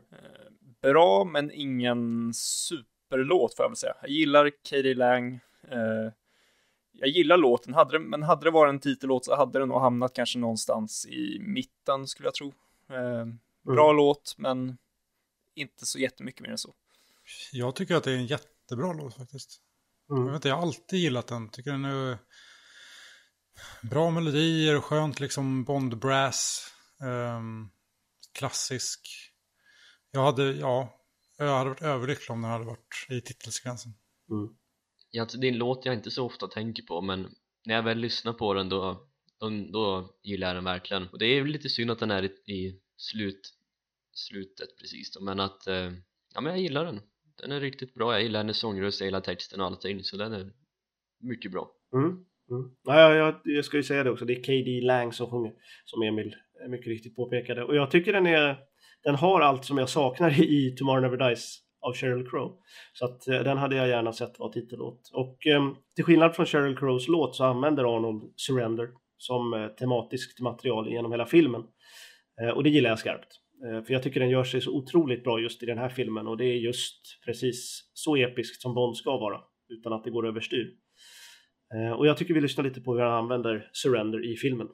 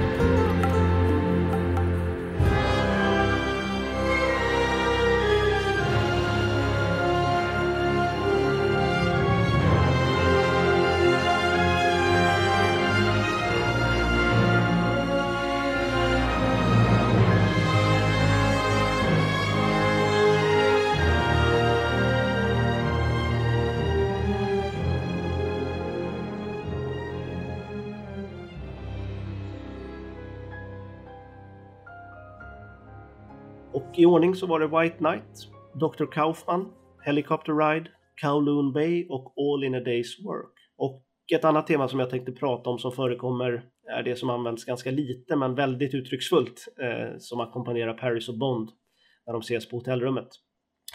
Och vi lyssnar lite på Paris och Bond, The Last Goodbye och Dr. Kaufman.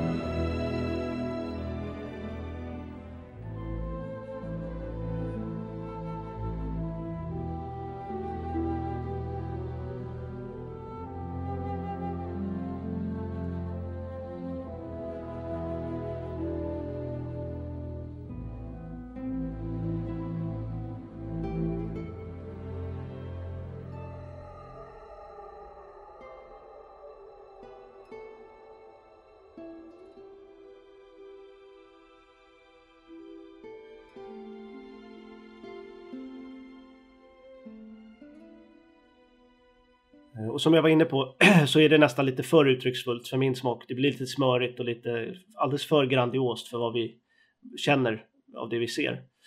Ehm, så att ja, det är inte jättebra. Det är bra musik men inte så passande. Och eh, ja, det viktigaste temat i en Bondfilm är ju ändå Bondtemat. Och Arnold använder det otroligt mycket i den här filmen. Och på väldigt många olika och intressanta sätt. Eh, Arnold har ju själv sagt att utan Bondtemat så har du enbart en actionfilm och inte en James Bond-film. Eh, och det ligger mycket i det, tycker jag. Eh, men då ska också temat vara invävt i filmen och inte bara spelas enbart så här, tada! Just det, vi måste ju ha med Bond-temat också, inte så. Eh, men jag tänkte vi kort och gott lyssna på en mängd olika varianter som förekommer i filmen.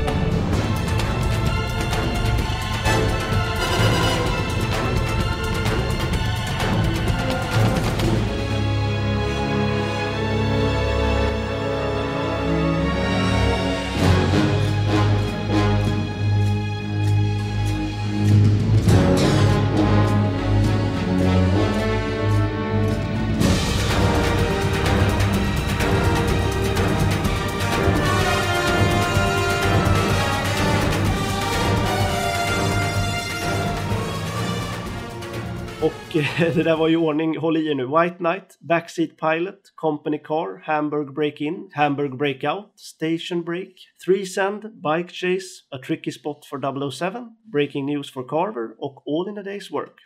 Så det var nästan alla spår på soundtracken. Eh, Men eh, en, en version av Bond-temat som jag ville prata lite extra om är den som spelas under biljakten i garaget i Hamburg. Eh, nämligen skriven av David Arnold tillsammans med Alex Gifford från bandet Propellerheads. Och de hade tillsammans gjort en version av huvudtemat från On Her Majesty's Secret Service på albumet som jag nämnde, Shaken and Stirred. Eh, där, ja, det temat rekommenderar jag att lyssna på också, det är väldigt bra. Eh, men jag tycker vi tar och lyssnar lite på Backseat Driver, som det heter i Tomorrow Never Dies.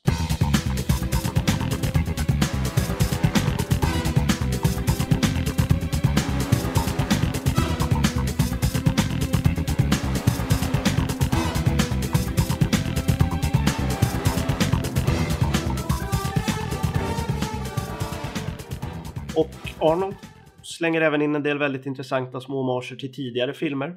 Eh, första homagen jag vill ta upp är till titelspåret i From Russia With Love. Eh, det är just de snabba staccato-tonerna som förekommer i inledningen som han gör sin egen variant av, eller på, i bland annat spåret White Knight.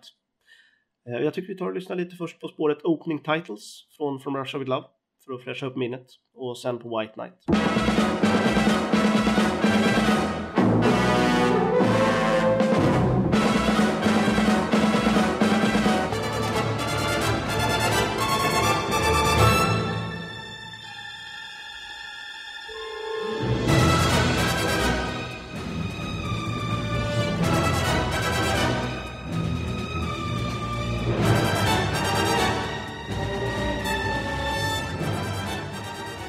Och en annan films titellåt som han också refererar till är faktiskt Thunderball. Eh, den referensen återfinns längre fram i hans Bondfilmer också, eh, men förekommer för första gången här i spåren Hamburg Breakout och Bike Chase. Eh, och jag tycker vi lyssnar lite på introt på Thunderball och sedan på de nyss nämnda spåren.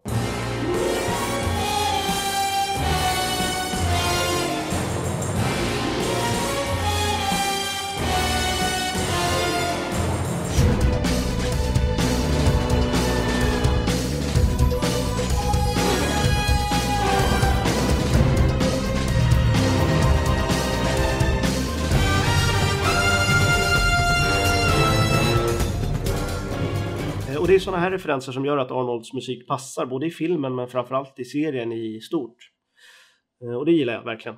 Eh, som alltid vill jag utse mitt favoritspår från filmen och det är ganska svårt, det är mycket bra musik men jag har alltid haft en förkärlek till bra inledningsmusik och som vi har pratat om redan så sätter musiken i inledningen verkligen tonen för resten av filmen på ett mästerligt sätt.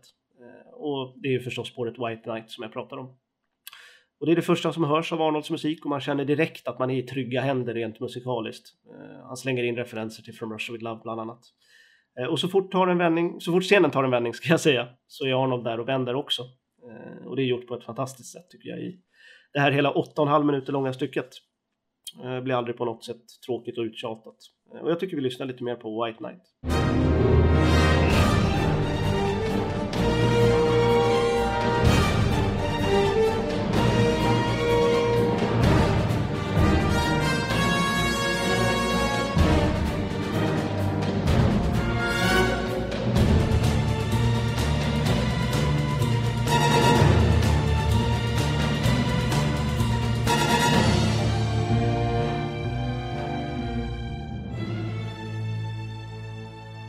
Och sammanfattningsvis, ja, vill bara säga att David Arnold är efter John Barry min favoritkompositör som skrivit musik till Bond-filmerna. Eh, han använder väldigt mycket nymodigheter i form av elektroniska rytmer och tekniska hjälpmedel, men jag vill faktiskt hålla Arnold lite i försvar, för många räcker ner på hans Bond-musik och säger att ja, allt bara är crash boom bang i hans actionmusik. Eh, och jag tycker verkligen han har otroligt välutvecklade melodiska idéer och tankegångar. Eh, och, ja, hans versioner av James Bond-temat är otroligt svängiga och har en groove som, som många andra kompositörer saknat och saknar. Um, och det hörs verkligen att han är ett genuint Bond-fan som vet hur det ska låta och hur han, hur han får till det. Uh, och jag förstår faktiskt John Barry som sa att David Arnold var den rättmätige arvingen. Och jag hoppas att han kommer tillbaka till Bond 25. Det vore väldigt trevligt. Uh, Så bortsett från ett par riktiga smöriga spår som jag pratat om och en rätt så släpig titellåt så är det ett genombra soundtrack som verkligen passar filmen. Uh, Och betyget blir en stark 7,5 av 10. Jag måste faktiskt få eh, be om att slänga in en, en till referens. Jag vet inte om du har tänkt på den. Eh, Säg den. det är i två spår. Det är i Star 3 Send och... Vilken kan det mer vara? Det är någon som är i början på skivan. Fan, jag är så dålig på sånt där. Men som är ju... Det är ju en hommage till Dr. No. Eh, Just det. Stråkar som spelar kromatiskt. Mm. Eh, det kan vi väl eh, leta upp och slänga in. Det gör vi.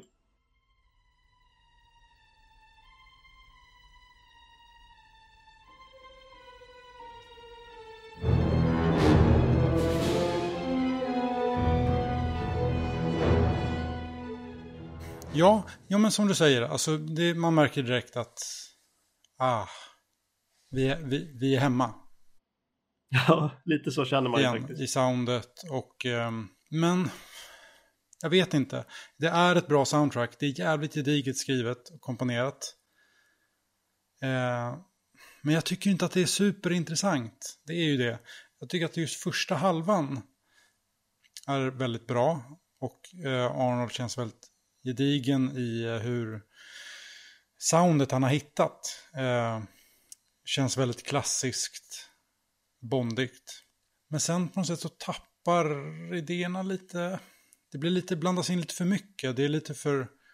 Det är ju en bra idé det här med att Hamburg det ska låta lite teknologiskt och eh, Vietnam ska låta lite asiatiskt sådär. Men jag vet inte, det gör också att soundtracket blir lite, känns lite spretigt på något sätt. Och det är för mig inte några spår som riktigt sådär sticker ut och gör att jag går igång eh, på det sättet. Eh, det jag gillar bäst är just hur han använder surrender. Alla de spåren tycker jag är... Den gör sig så himla himla bra i instrumental version. Och den är, den är så cool när den, det är helicopter ride, när, när de flyger in över Saigon. Den, jag vet inte vad det för instrument som spelar, vet, vet du hur det är Otto? Jag vet inte. Men det är något stråkinstrument i alla fall tror jag. Jag skulle tippa på att det är något asiatiskt instrument av något slag. Sen vad det är, jag vet fasken alltså. Men det tycker jag låter coolt. Och ja, White Knight, jättehärlig actionmusik. Eh, Mm. Men jag skulle vilja slänga in en liten uh, udda låt som min favorit som har dykt upp nu under veckans lyssning. Och det är just Star 3 Send. Den är li- obskyr. Eh, men eh, jag, jag gillar den där nodden till Dr. No. Och sen kommer det in, det är någon skön mm, brassrytm där som bara är mysig. Eh, egentligen kanske det inte är det bästa spåret på eh, soundtracket. Men jag, jag tycker det är värt att nämna. Jag tycker det är, det är gött. Eh, betyg, ach, ish. Jag, jag, jag tycker inte riktigt att det är lika spännande att lyssna på som till exempel Live and Let Die. Som fick en åtta. Jag tycker inte riktigt att Arnold har hittat sin Bondröst än. Det är lite för mycket fan-tänk känns det som. Ehm, men, ja men, nu, nu har jag låtit väldigt negativ, men en 7 av 10 vill jag ändå ge det för att det är genomkomponerat, väldigt, men väldigt smart komponerat och han använder Bond-temat väldigt snyggt, om än kanske lite för mycket, men eh, en 7 kan Arnold vara värd ändå. Mm. Jag vill väl eh, hålla med väldigt mycket i det som Rickard säger. Eh, jag tycker att det är ett bra soundtrack, verkligen. Eh, sen någonstans halvvägs igenom det så känner jag nästan att jag vill nog ta en liten paus från det här och fortsätta lyssna senare. eh, men det, ja, det, det är väldigt bra. Eh, fantastiskt skönt att få någonting som känns Bond på ett sätt som Goldeneye inte ens var nära att vara. Eh, håller med om Ottos favoritspår White Knight. Väldigt, väldigt bra. Eh, ja, jag vet egentligen inte vad jag ska säga. Jag tycker Rickard har sagt, satt ord, väl, har, har satt ord väl på, på det som jag känner i mångt och mycket. Eh, och jag håller nog också med i betyget att det ska vara en sjua på det här. Ehm, det kommer bättre Arnold soundtrack. Det är fortfarande bra, men det kommer att bli bättre. Jag håller med er väldigt, väldigt mycket. Det jag vill tillägga är att jag har sett, eller lyssnat på det här soundtracket väldigt mycket eh, och jag eh, finner alltid någonting intressant i det jag brukar lyssna på antingen hela soundtracket eller vissa spår i den Um, och det är väldigt bondigt, det är vissa teman och vissa delar som Arnold kommer bli bättre på i senare filmer. Men för att vara ett debut-soundtrack och för att vara så mycket, alltså det är mycket ljud och det är mycket teman och det finns mycket den följer filmens svängar väldigt bra så säger jag att den får en 8 av 10 det är riktigt bra det här. Och mitt favoritspår det är Backseat Driver faktiskt. Ett spår som har suttit på mitt huvud i alldeles för många år jag brukar finna mig själv nynna på det alldeles för ofta just öppningsdelen i det spåret sen 8 av 10 definitivt Ja, då är det bara kvar att sammanfatta filmen. Eh, och då tycker jag Otto kan börja. Nej, jag, tycker det, jag tycker det är som sagt var, det är en film med väl, två väldigt olika halvor i kvalitet. Eh, varav den första är bra och den andra är dålig. Och eh, alltså klimaxet drar ju ner väldigt mycket. Dels för att man har börjat zona ut redan innan klimaxet, ganska långt innan klimaxet. Och sen kommer klimaxet och då kan det ju höjas om det är ett bra klimax men nu sänks det ännu mer av att man är eh, redan är lite utzonad. Så att eh, ja, jag vet inte. Price gör en bra skurk. Brosnan gör en bättre insats tycker jag nog. Ja, nej, jag tycker nog han är bättre i Golden. Jag ändrar mig. Men eh, Price gör en bra skurk. Brosnan är lite, lite sämre här. Men eh, Waylin gör inte så mycket intryck på mig. Inte Terry Hatcher som Paris heller. Stamper är ganska dålig. Eller väldigt dålig. Och musiken är bra. Ja, nej, jag, det är knappt godkänd film. Det, är det, jag, jag ger den en 4,5 av 10. Jag tycker den har en väldigt bra inledning och sen en riktigt dålig slutdel. Så att ja, nej, det, det dåliga drar ner det bra. Så att eh, ja, lite under medelbetyg då. 4,5 av 10. Emanuel. Yes Jag är precis som Otto väldigt väldigt svag för första halvan och inte alls lika svag för andra halvan men jag tycker om vi jämför med Goldeneye då först och främst så tycker jag att Tomorrow Never Dies i de enskilda elementen är bättre nästan överallt i Goldeneye om vi ser till fotot där Tomorrow Never Dies är långt, långt, långt mycket bättre än motsvarande i Goldeneye eh, samma med ljudeffekt, samma med musik, samma med Brosnan som Bond. Eh, regin oftast, klippningen, alltså det är sällan vi har så välklippt och effektiv film som Tomorrow Never Dies och eh, där fanns många problem med sentimentalitet i Goldeneye och många scener som drog ut på tiden och slu, ett slut som bara aldrig alltså det kom, det hände aldrig någonting, vi har fyra slut i Goldeneye typ så har vi ett slut här. Så tycker jag att de har bättrat på sig de flesta elementen. Men ser man till helheten så är ju Tomorrow Never Dies inte lika bra som Goldeneye. Manuset framförallt är sämre. Eh, finns inte lika många minnesvärda repliker och handlingen pyser ju ut rätt påtagligt i slutet. Jag älskar Elliot Carver som skurk. Jag tycker att hans idé, hans plan är väldigt jättebra, den är gedigen, intressant. Och eh, ja, alltså det finns ju potential att det skulle kunna bli väldigt mycket bättre där med relationen med Bond och Paris. Jag gillar just att de försöker få in någonting personligt ändå utan att det blir för övertydligt. Och hade de jobbat på det lite mer, hade de försökt lite bättre så hade det varit, haft en mer integral del i handlingen så hade det varit mycket bättre.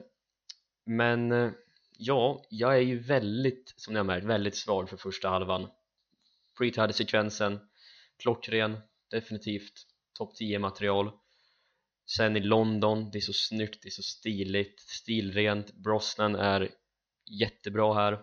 Vi kommer till Hamburg och jag är liksom i Bondhimlen här för det är som även om jag visst det kanske inte är jättebra i förhållande till Connerys filmer till Roger Moores bästa men alltså kommer vi till moderna Bond, kommer vi till Brosnans Bond så är det så bra det bara blir känns det som. Och liksom jag skyler inte med det faktum att sektionen i, i Hamburg är det bästa i Brosnans era.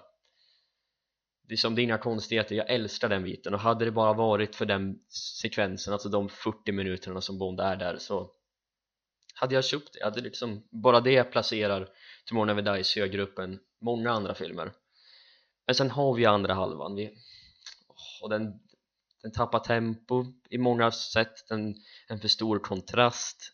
Just det teknologiska mot det här lite ruffiga som är, råder där.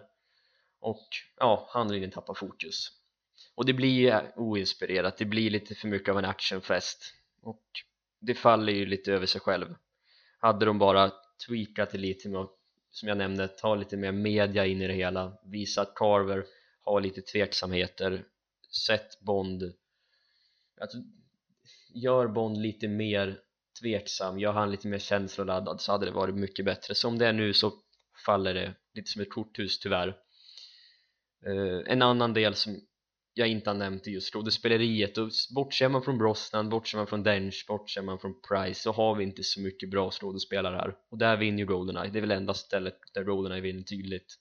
När jag var yngre, när jag liksom började gilla Bond allting så var Tomorrow Never Dies 10 av 10 den var, den var topp 3 för mig. Men sen när åren har gått så har den ramlat ner. Den har legat ett tag låg den i botten, absoluta botten. Träsket, nu har den gått upp lite igen och jag ger den ändå 5 av 10 för den, dess första halva är så utomordentligt bra. Och dess andra halva är så utomordentligt mycket sämre. Så det tas ner otroligt av det. Men där filmen funkar så fungerar den bra. Men den har ju sista timmarna som bara förstör all goodwill jag hade innan. Så hade filmen slutat med Halo-hoppet då hade, den säkert, då hade den säkert haft 8 av 10 men nu, nu är det 5 av 10 och det, det är jag nöjd med trots allt tack för mig Den möts, den möts mellan 0 och 10 om man säger så. Ja men precis, det är 10 av, ja, 10 av 10 i början, 0 av 10 i slutet så pang pang, 5 av 10 Ja. Låter logiskt. Och jag kommer väl att upprepa väldigt mycket det Emanuel nyss har sagt, men så får det väl bli.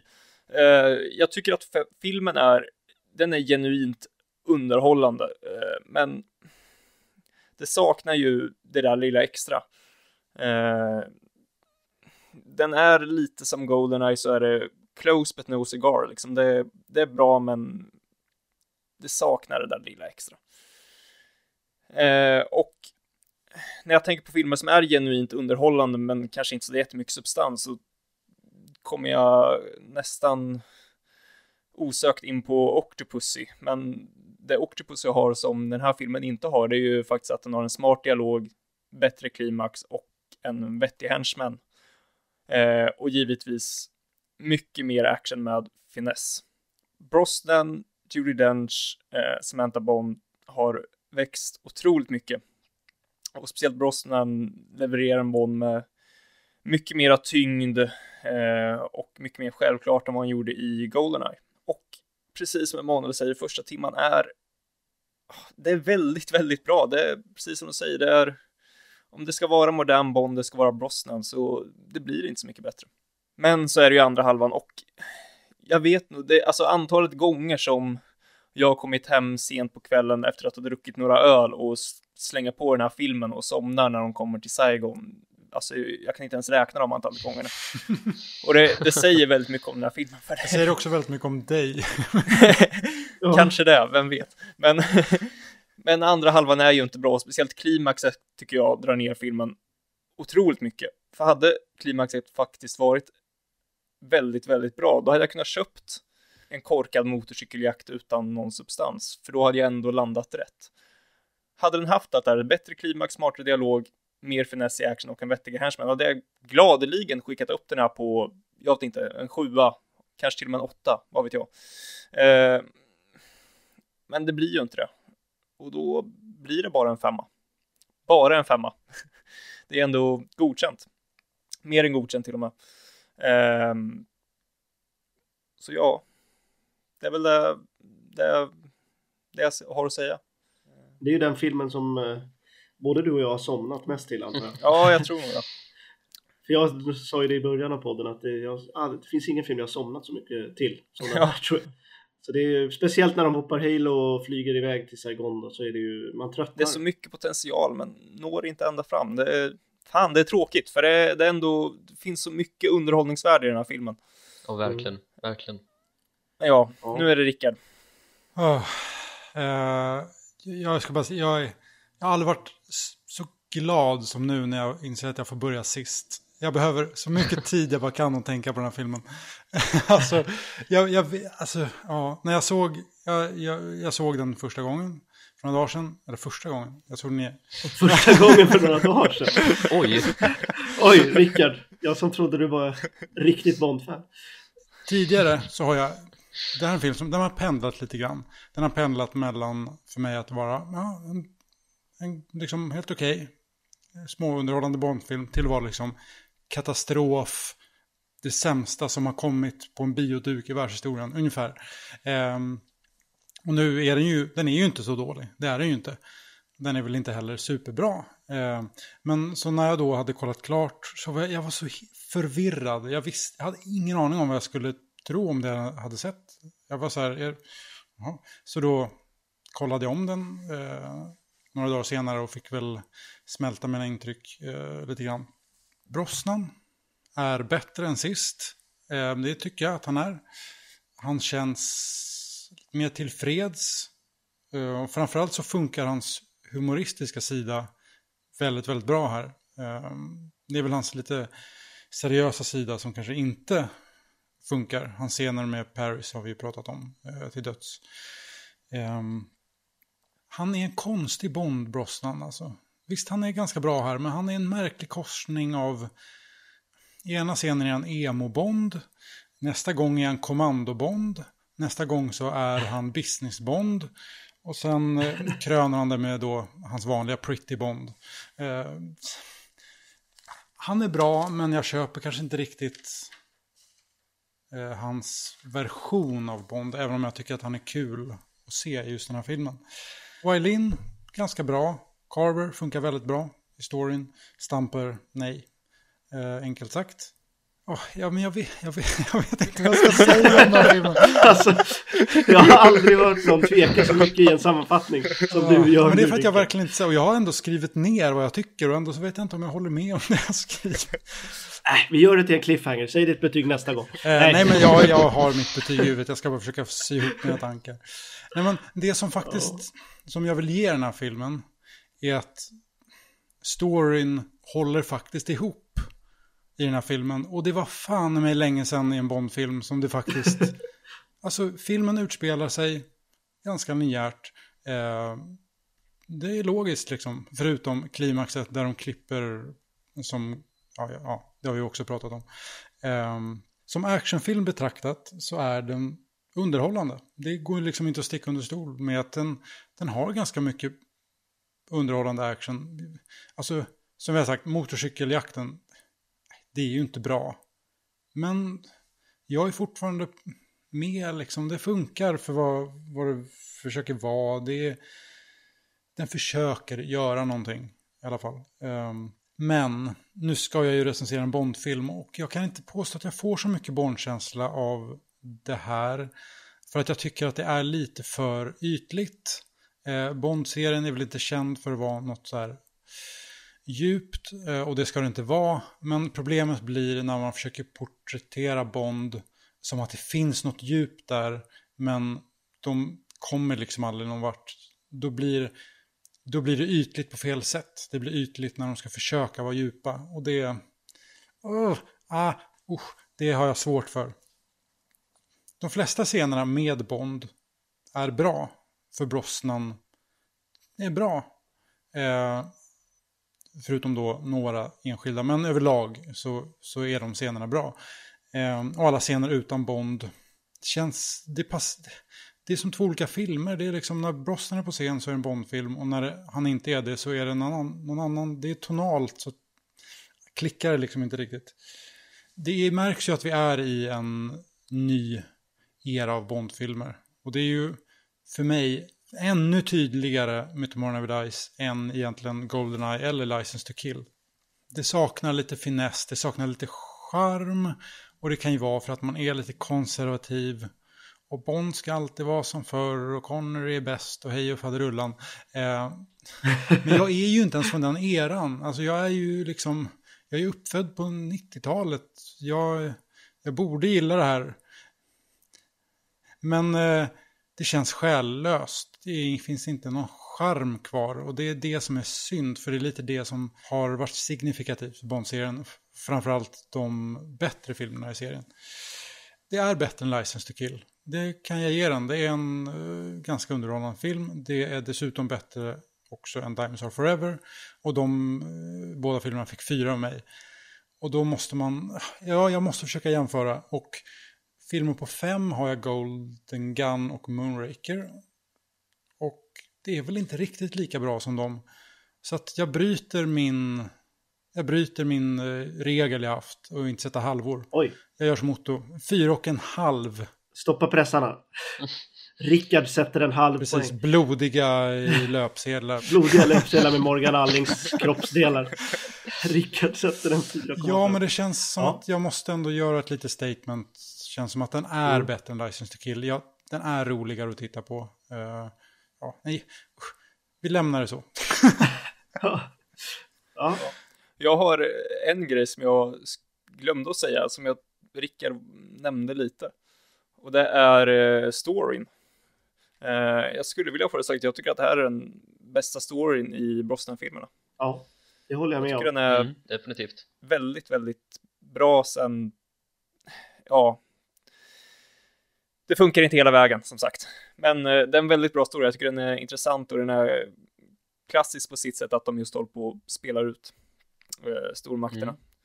Eh, och jag tycker det funkar väldigt bra, just det med att man spelar ut det fast de kör i en modern tappning med media-grejen. Väldigt bra. Jag skulle vilja tillägga bara om just det tekniska, det är att fotografi, det är också väldigt bra för att det rör på sig hela tiden. Det är, liksom, det är konstant framåtrörelse, liksom varenda scen är någon typ av rörelse och det och när det väl stannar upp, då stannar det verkligen upp. Och jag nämnde ljussättningen, det är jättebra, jättediffust och sådär. Och det gör att filmen känns ändå modern och även när filmen liksom tappar greppet lite om karaktärer och, och handling så fortsätter kamerarbetet tillsammans med jättebra klippning. Som att man ändå inte tänker på det. När problemen väl blir stora i filmen då är det stort som i slutet till exempel. Men fram till dess hade filmen inte förts fram lika kapabelt av Spottiswood så tror jag den hade varit väldigt mycket sämre. Nu får vi aldrig som tid att tänka vad som faktiskt händer. Och just klippningen, det funkar jättebra mellan rörelse och stillastående scener och vice versa. Så där är den här filmen hittills en av de rent klipptekniskt en av de bästa filmerna i serien hittills. Och det måste jag ge dem stor eloge för att de kunde få ihop på så pass kort tid och att de klippte ner så pass mycket de faktiskt gjorde och ändå lyckades få ihop en bra film med det de ändå hade så fotografiet och klippningen kan jag inte sluta hylla i den här filmen Ja, då tycker jag vi eh, rundar av där. Eh, Yes. Ja, Ja, och så tackar vi i vanlig ordning Agent 007.nu och From Sweden with Love. Jag funderar på om vi ska bara, ja men nu nämner vi det att som det ser ut nu så är vi på Comic Con förmiddagen lördagen den 5 november. Jag vet inte riktigt hur officiellt och fastslaget det är, men som vi fattar så är det så det blir. Om det är någon som vill komma och det ska ni vilja. Och platsen är Kistamässan i Stockholm. ja, ni som har möjlighet ska vara där. Det tycker ja, jag. Annars stänger vi av er från Facebook-sidan. Nej, skämt åsido. Vi fraktar ju ner Emanuel bara för det där. Dessutom. Mm. ja, exakt. Han säger ju upp sig från jobbet och allting. Så att det... jag gör en blixtvisit i Stockholm den helgen Ja, exakt. Exakt. Och eh, har ni möjlighet så får ni också jättegärna följa oss på Twitter och Instagram. Ett tid för podd. Ja, då ser vi fram emot eh, nästa gång. Vad händer då? Vi ska bli kärnfysiker. Och så Ja, ska vi också ta på oss blåställ och bygga pipelines. Herregud. Det ska bli riktigt kul. Ja, det ska bli roligt. Jag har sett, ända sedan vi började med den här podden så har jag sett fram emot nästa avsnitt och avsnittet efter. Så inåt helvete. Ja, det kan det här nu, nu går vi, nu är det ända in i kaklet alltså. Ja, exakt. Oj, oj, oj. Nej, men det kommer bli skitkul. Så eh, lyssna nästa gång så får ni ha det skitbra fram tills dess. Det tycker jag. Ajöken. Hej då! Ha det gött. Hej. Hej på er allihopa. Hej då!